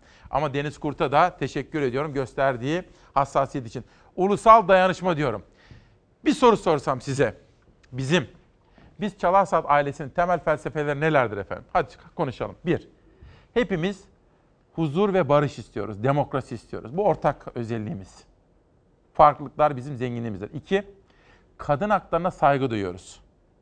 Üç, bununla bağlantılı olarak kadına, çoluğa, çocuğa, kediye, köpeğe, bitkiye, sağlık çalışanına şiddeti reddediyoruz ve kınıyoruz. Bunun bir karakter zafiyeti olduğunu biliyoruz ve bunu söylüyoruz. Başka?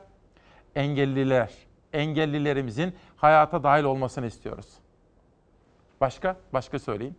Çevre sorunları bizim için çok çok hayati önemdedir. Başka? Mesela Down sendromlu çocuklarımız, özel çocuklarımız, onlar bizim için kıymetlilerdir. Ya da yaşını almış büyüklerimiz, onlara hürmet göstermek bizim boynumuzun borcudur.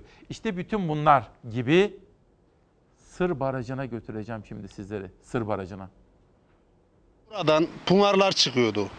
İçme suyu çıkıyordu ve tarım arazisini sürüyorduk buralardan. Eskiden pınarların kaynadığı tarım için son derece verimli topraklarda simsiyah akan dereler vatandaşı böyle isyan ettirmişti. 2018 yılının Nisan ayında dile gelmişti bu isyan. O simsiyah derenin sularına arıtma tesisi olmayan fabrikaların neden olduğu kirliliğe isyan ediyordu Kahramanmaraşlılar. Bu görüntü ise 2020 yılının Nisan ayında yani tam 2 yıl sonra çekildi. Vatandaşın kirliliğine isyan ettiği o derenin boşaldığı barajda bugün benzer bir görüntü oluştu. Vatandaşın kokusuna, rengine, kirliliğine isyan ettiği derenin boşaldığı Sır Barajı'nda çekildi bu görüntü. Kahramanmaraş'ta Ceyhan Nehri üzerinde enerji üretmek amacıyla yapılan Sır Barajı'nın masmavi suyu siyaha döndü. 2018 yılında Dulkadiroğlu ilçesinden gelen çeşitli derelerin fabrika atıklarıyla kirlendiği haberi bültenlere konu olmuştu. Bu kez o derelerin beslediği baraj karardı. Elektrik Üretim Anonim Şirketi'nin sorumluluğunda olan baraj kirlilik nedeniyle inceleme altına alındı. Ancak ne bölgedeki kirlilik yeni ne de vatandaşın konuyla ilgili talebi. Vatandaşlarımızın uzun yıllardan beri devam eden bu problemine çözüm bulmalarını yetkililerden ve ilgililerden talep ediyoruz. Şimdi bu haberleri tabii siz başka yerlerde izleyemediğiniz için bizim sorumluluğumuz büyük. Bunun farkındayız efendim. Şöyle hayal ediyorum. Bakın bütün Türkiye böyle gelincik tarlası gördünüz mü hiç? Gelincik tarlası. Bütün Türkiye 23 Nisan nedeniyle bugünden itibaren gelincik tarlasına dönsün istiyorum. Bakın sizi dinlerken bugün hemen asayım dedim. 49 metrekare evime 6 metrekare şanlı bayrağımız. Sağ olun, iyi ki varsınız. Hüma Akın. Çok teşekkür ediyorum kendisine efendim. Biraz evvel çevre sorunlarından bahsetmiştik. Vazgeçilmez değer ve ilkelerimizden demiştik. Hatırlıyor musunuz? Onlardan biri de tarım. Biz üreten Türkiye olmak zorundayız. Üreten ve dayanışma içerisinde yaşayan. Siz hani malımızı kime satacağız? Nasıl öyle bir derdiniz olmayacak. İnşallah. Aynen onu anlattım. Bu çerçevede çiftçimizin ihtiyaç duyduğu ve en büyük e, maliyetini oluşturan fide, tohum, tarım ilacı, gübre, damla sulama sistemi gibi girdileri kendisine hibe olarak veriyoruz. Çiftçi ithalatla artan maliyetlerin karşısında tarlasına tohumu nasıl atacağını kara kara düşünürken İstanbul Büyükşehir Belediyesi'nden İstanbul'un tarım köylerine müjde geldi. Tohumdan fidesine, gübresine belediye destek olacak. Tarladan sofraya ulaşana kadar da destek çekilmeyecek. İstanbul'un sulanabilir arazisini 3 katına çıkarttık. Gübre, ilaç ihtiyacını biz sağlayacağız. Fiyatları %25 arttı. Gübrenin vesairenin biz sağlayacağız. Alım garantisi vereceğiz. Sulanabilir arazinin artırılmasıyla sonraki aşamayı İsmail Küçükkaya ile Çalar Saat programında açıklamıştı Ekrem İmamoğlu. O aşama tamamlandı. İstanbul'un tarım köyleri için muhtarlarla görüşüldü. Yaklaşık 1500 dekar arazi üzerinde 1 ila 15 Mayıs tarihlerinde fide ve tohumlar toprakla buluşacak. Kentimizin iklimine en adapte olmuş domates, salatalık, biber, patlıcan ve karpuz tohum ve fidelerini çiftçimizle buluşturacağız. Gübre, ilaç ve hatta ziraat mühendisi desteği de alacak İstanbullu çiftçi. İstanbul Büyükşehir Belediyesi Tarım ve Gıda Daire Başkanı Ahmet Atalık tüm bu desteğin hibe olacağını ve çiftçinin ürününün bağlanmayacağını söyledi. Satamazsa eğer devreye girecek yerel yönetim ve yine o ürünler ihtiyacı olanla buluşturulacak. Çiftçimizin girdi maliyetlerini hibe olarak kendisine sunmanın yanında sonuçta elde edilen güvenilir gıdayı da isterse çiftçimiz kendisi e, pazarlayabilir, isterse de belediye olarak hal fiyatları üzerinden kendisinden satın alarak ihtiyaç sahibi olan ailelere ücretsiz olarak dağıtacağız. Muhtarlık ve kooperatifleri kayıt yaptıran çiftçiler için telefon numarası da yayınladı İBB. Sadece çiftçiye değil besiciye de destek yolda. İzmir Tire Kooperatifinden alınan süt dağıtılıyor İstanbul'da. Önümüzdeki süreçte sütün kaynağının da İstanbul olması planlanıyor. Tek temennimiz zaten hayvancılığın ölmemesi, bitmemesi. Artık Çatalca'nın, Silivri'nin süt üreticileri İstanbul'un e, yoksul ailelerin çocuklarına sütü yollayacak. Şu anda dağıtıyor musunuz sütü? Tabii tabii. İyi. Tabii 100 bin Evlere. aileye. Tabii. Gülşah İnce'nin de eline yüreğine sağlık. Çok güzel, özenli bir çalışma yapmış efendim. Bayrak diyoruz ya bayrak. Bayrak nedir? Bizim bayrağımız, şanlı bayrağımız. Bizim karakterimizdir, bağımsızlığımızdır. Bayrak bizim kimliğimizdir. Bu topraklarda yaşayan hepimizin ortak sembolüdür. Ortak sembol, bayrak. Tarımsal üretim bağımsızlığımızın teminatıdır efendim bakın. Günümüzde artık bunu iyice anlamamız gerekiyor. Hani dedim ya çocuklarımız şiirler okusunlar, balkonlara bayraklar, balonlar asalım dedik ya bakın. Yasin Balaban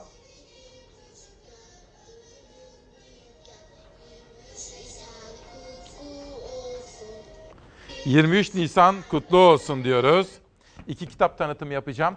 Sonra sizi Rusya'ya götürmek istiyorum. Cihan İmparatorluğu'nun kurucusu Osman Bek Uğur Altuğ'dan gelen bir kitap. Bir Cihan İmparatorluğu'nun öyküsü. Levent Soydinç, Şaziye abla ve diğerleri Kasabada Düğün Var isimli kitabıyla Çalar Saat'te. Rusya'nın lideri Putin dedi ki, korona ile mücadele kolay değil ama Rusya'da kontrol altında dedi ve ekledi. Henüz pik yani zirve noktasını görmüş değiliz. Rusya'da salgın hız kazandı, Putin henüz zirveyi görmedik dedi. İran'da ise koronavirüse bağlı gerçek vaka ve can kayıplarının gizlendiği iddia ediliyor. Nijerya, Bangladeş ve Myanmar'da virüse rağmen toplanan kalabalıklar endişe yarattı. Rusya'da virüse bağlı vaka ve can kayıpları artıyor. Virüsün temas ettiği kişi sayısı 42 bini geçti. Can kayıpları 361 olarak açıklandı. Putin salgında henüz zirvenin görülmediğini ifade etti. Putin zirve görülmedi dese de salgının kontrol altında olduğunu söyledi. Eski Sovyet ülkelerinin ortak adımlar atmasının, salgında birlikte çalışmanın önemine de vurgu yaptı. Belarus'a 10 bin Covid-19 testi gönderen Rusya'ya teşekkür değil şikayet geldi. Belarus Devlet Başkanı Lukashenko Rus testleri çalışmıyor dedi. İran'dan koronavirüse dair gelen rakamlar kafaları karıştırdı. İran Sağlık Bakanı resmi rakamların gerçeği yansıtmadığını savundu. Amerika Başkanı Donald Trump da İran'dan gelen rakamların doğru olmadığı çok açık dedi. İran isterse yardımda bulunabiliriz diyerek teklifini ikinci kez yineledi. İran'dan gelen son bilgilere göre aktif vaka sayısı 20.070'e düştü. 5.118 kişi de virüse bağlı olarak yaşamını yitirdi. Tüm dünya etkisi altına alan koronavirüs bazı ülkelerde kontrol altına alınıyor. Ancak bazı ülkelerden tüm dünyaya korkutan görüntüler geliyor. Bangladeş'te on binlerce insan cenaze töreninde bir araya geldi. Nijerya'da sokağa çıkma yasağına uymayanlara güvenlik güçleri sert müdahalede bulunuyor. Ancak insanlar ne virüse ne de güvenlik güçlerine aldırış ediyor. Bir gıda pazarında çekilen bu görüntüler durumun ciddiyetini gözler önüne serdi. Myanmar'da ise 25 bin mahkum af kapsamında serbest bırakıldı. Binlerce insan hapishane önünde yakınlarını virüsü aldırış etmeden bekledi. Çocuklarla ilgili fotoğraflar ve videolar yayıyor. Sevinç Şanlı geldi videonuz. Teşekkür ederim. Bunun dışında Demir Altınkaya geldi. Nazlı Önder Aras. O kadar çok ki Sevinç Şanlı. Her birini yayından sonra inceleyeceğim ve ekip arkadaşlarıma göndereceğim. Dün Gülbin Tosun programın sırasında Merve'ye bağlandı. Merve Görgün'e bağlandı. Merve inanılmaz akıllı bir uyarıda bulundu canlı yayın sırası dün ana haberimizde. Dedi ki önümüzdeki hafta sonu sokağa çıkma yasağı. Peki. Ayrıca 23 Nisan nedeniyle de sokağa çıkma yasağı ilan edilebilir. Ama dedi Ramazan da başlıyor Cuma günü ilk oruç dedi. Eğer sokağa çıkma yasağı ilan edilecekse bunun pazartesi günü yapılması gerekiyor dedi Merve. Çok akıllıca bir uyarıydı dün akşam Gülbin Tosun'un sunduğu haberlerimizde. Baharı getiren kırlangıç Cemalettin Kavaklıgil'in kitabı. Çocuklarımız ve onların gözünden korona.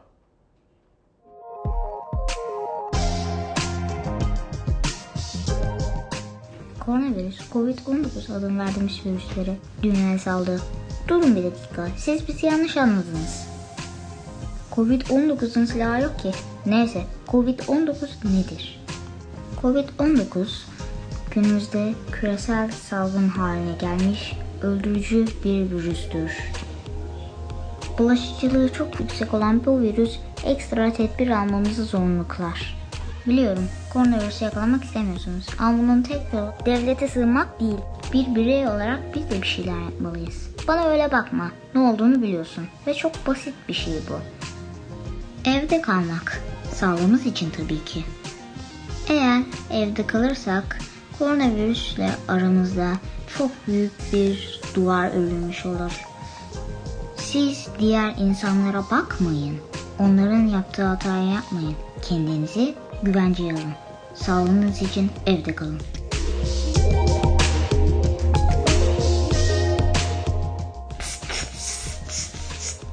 Evde kal.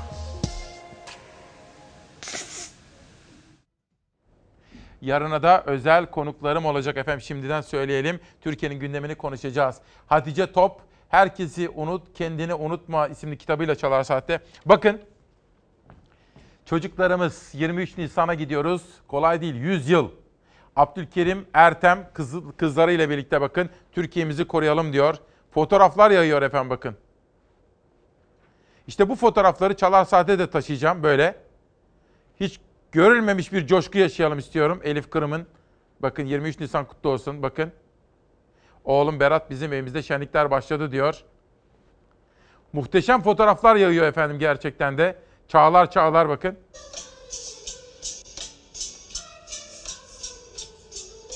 Çok güzeldi. Bakın 1881-1938 sonsuza kadar. Atamız sonsuza kadar yaşayacak.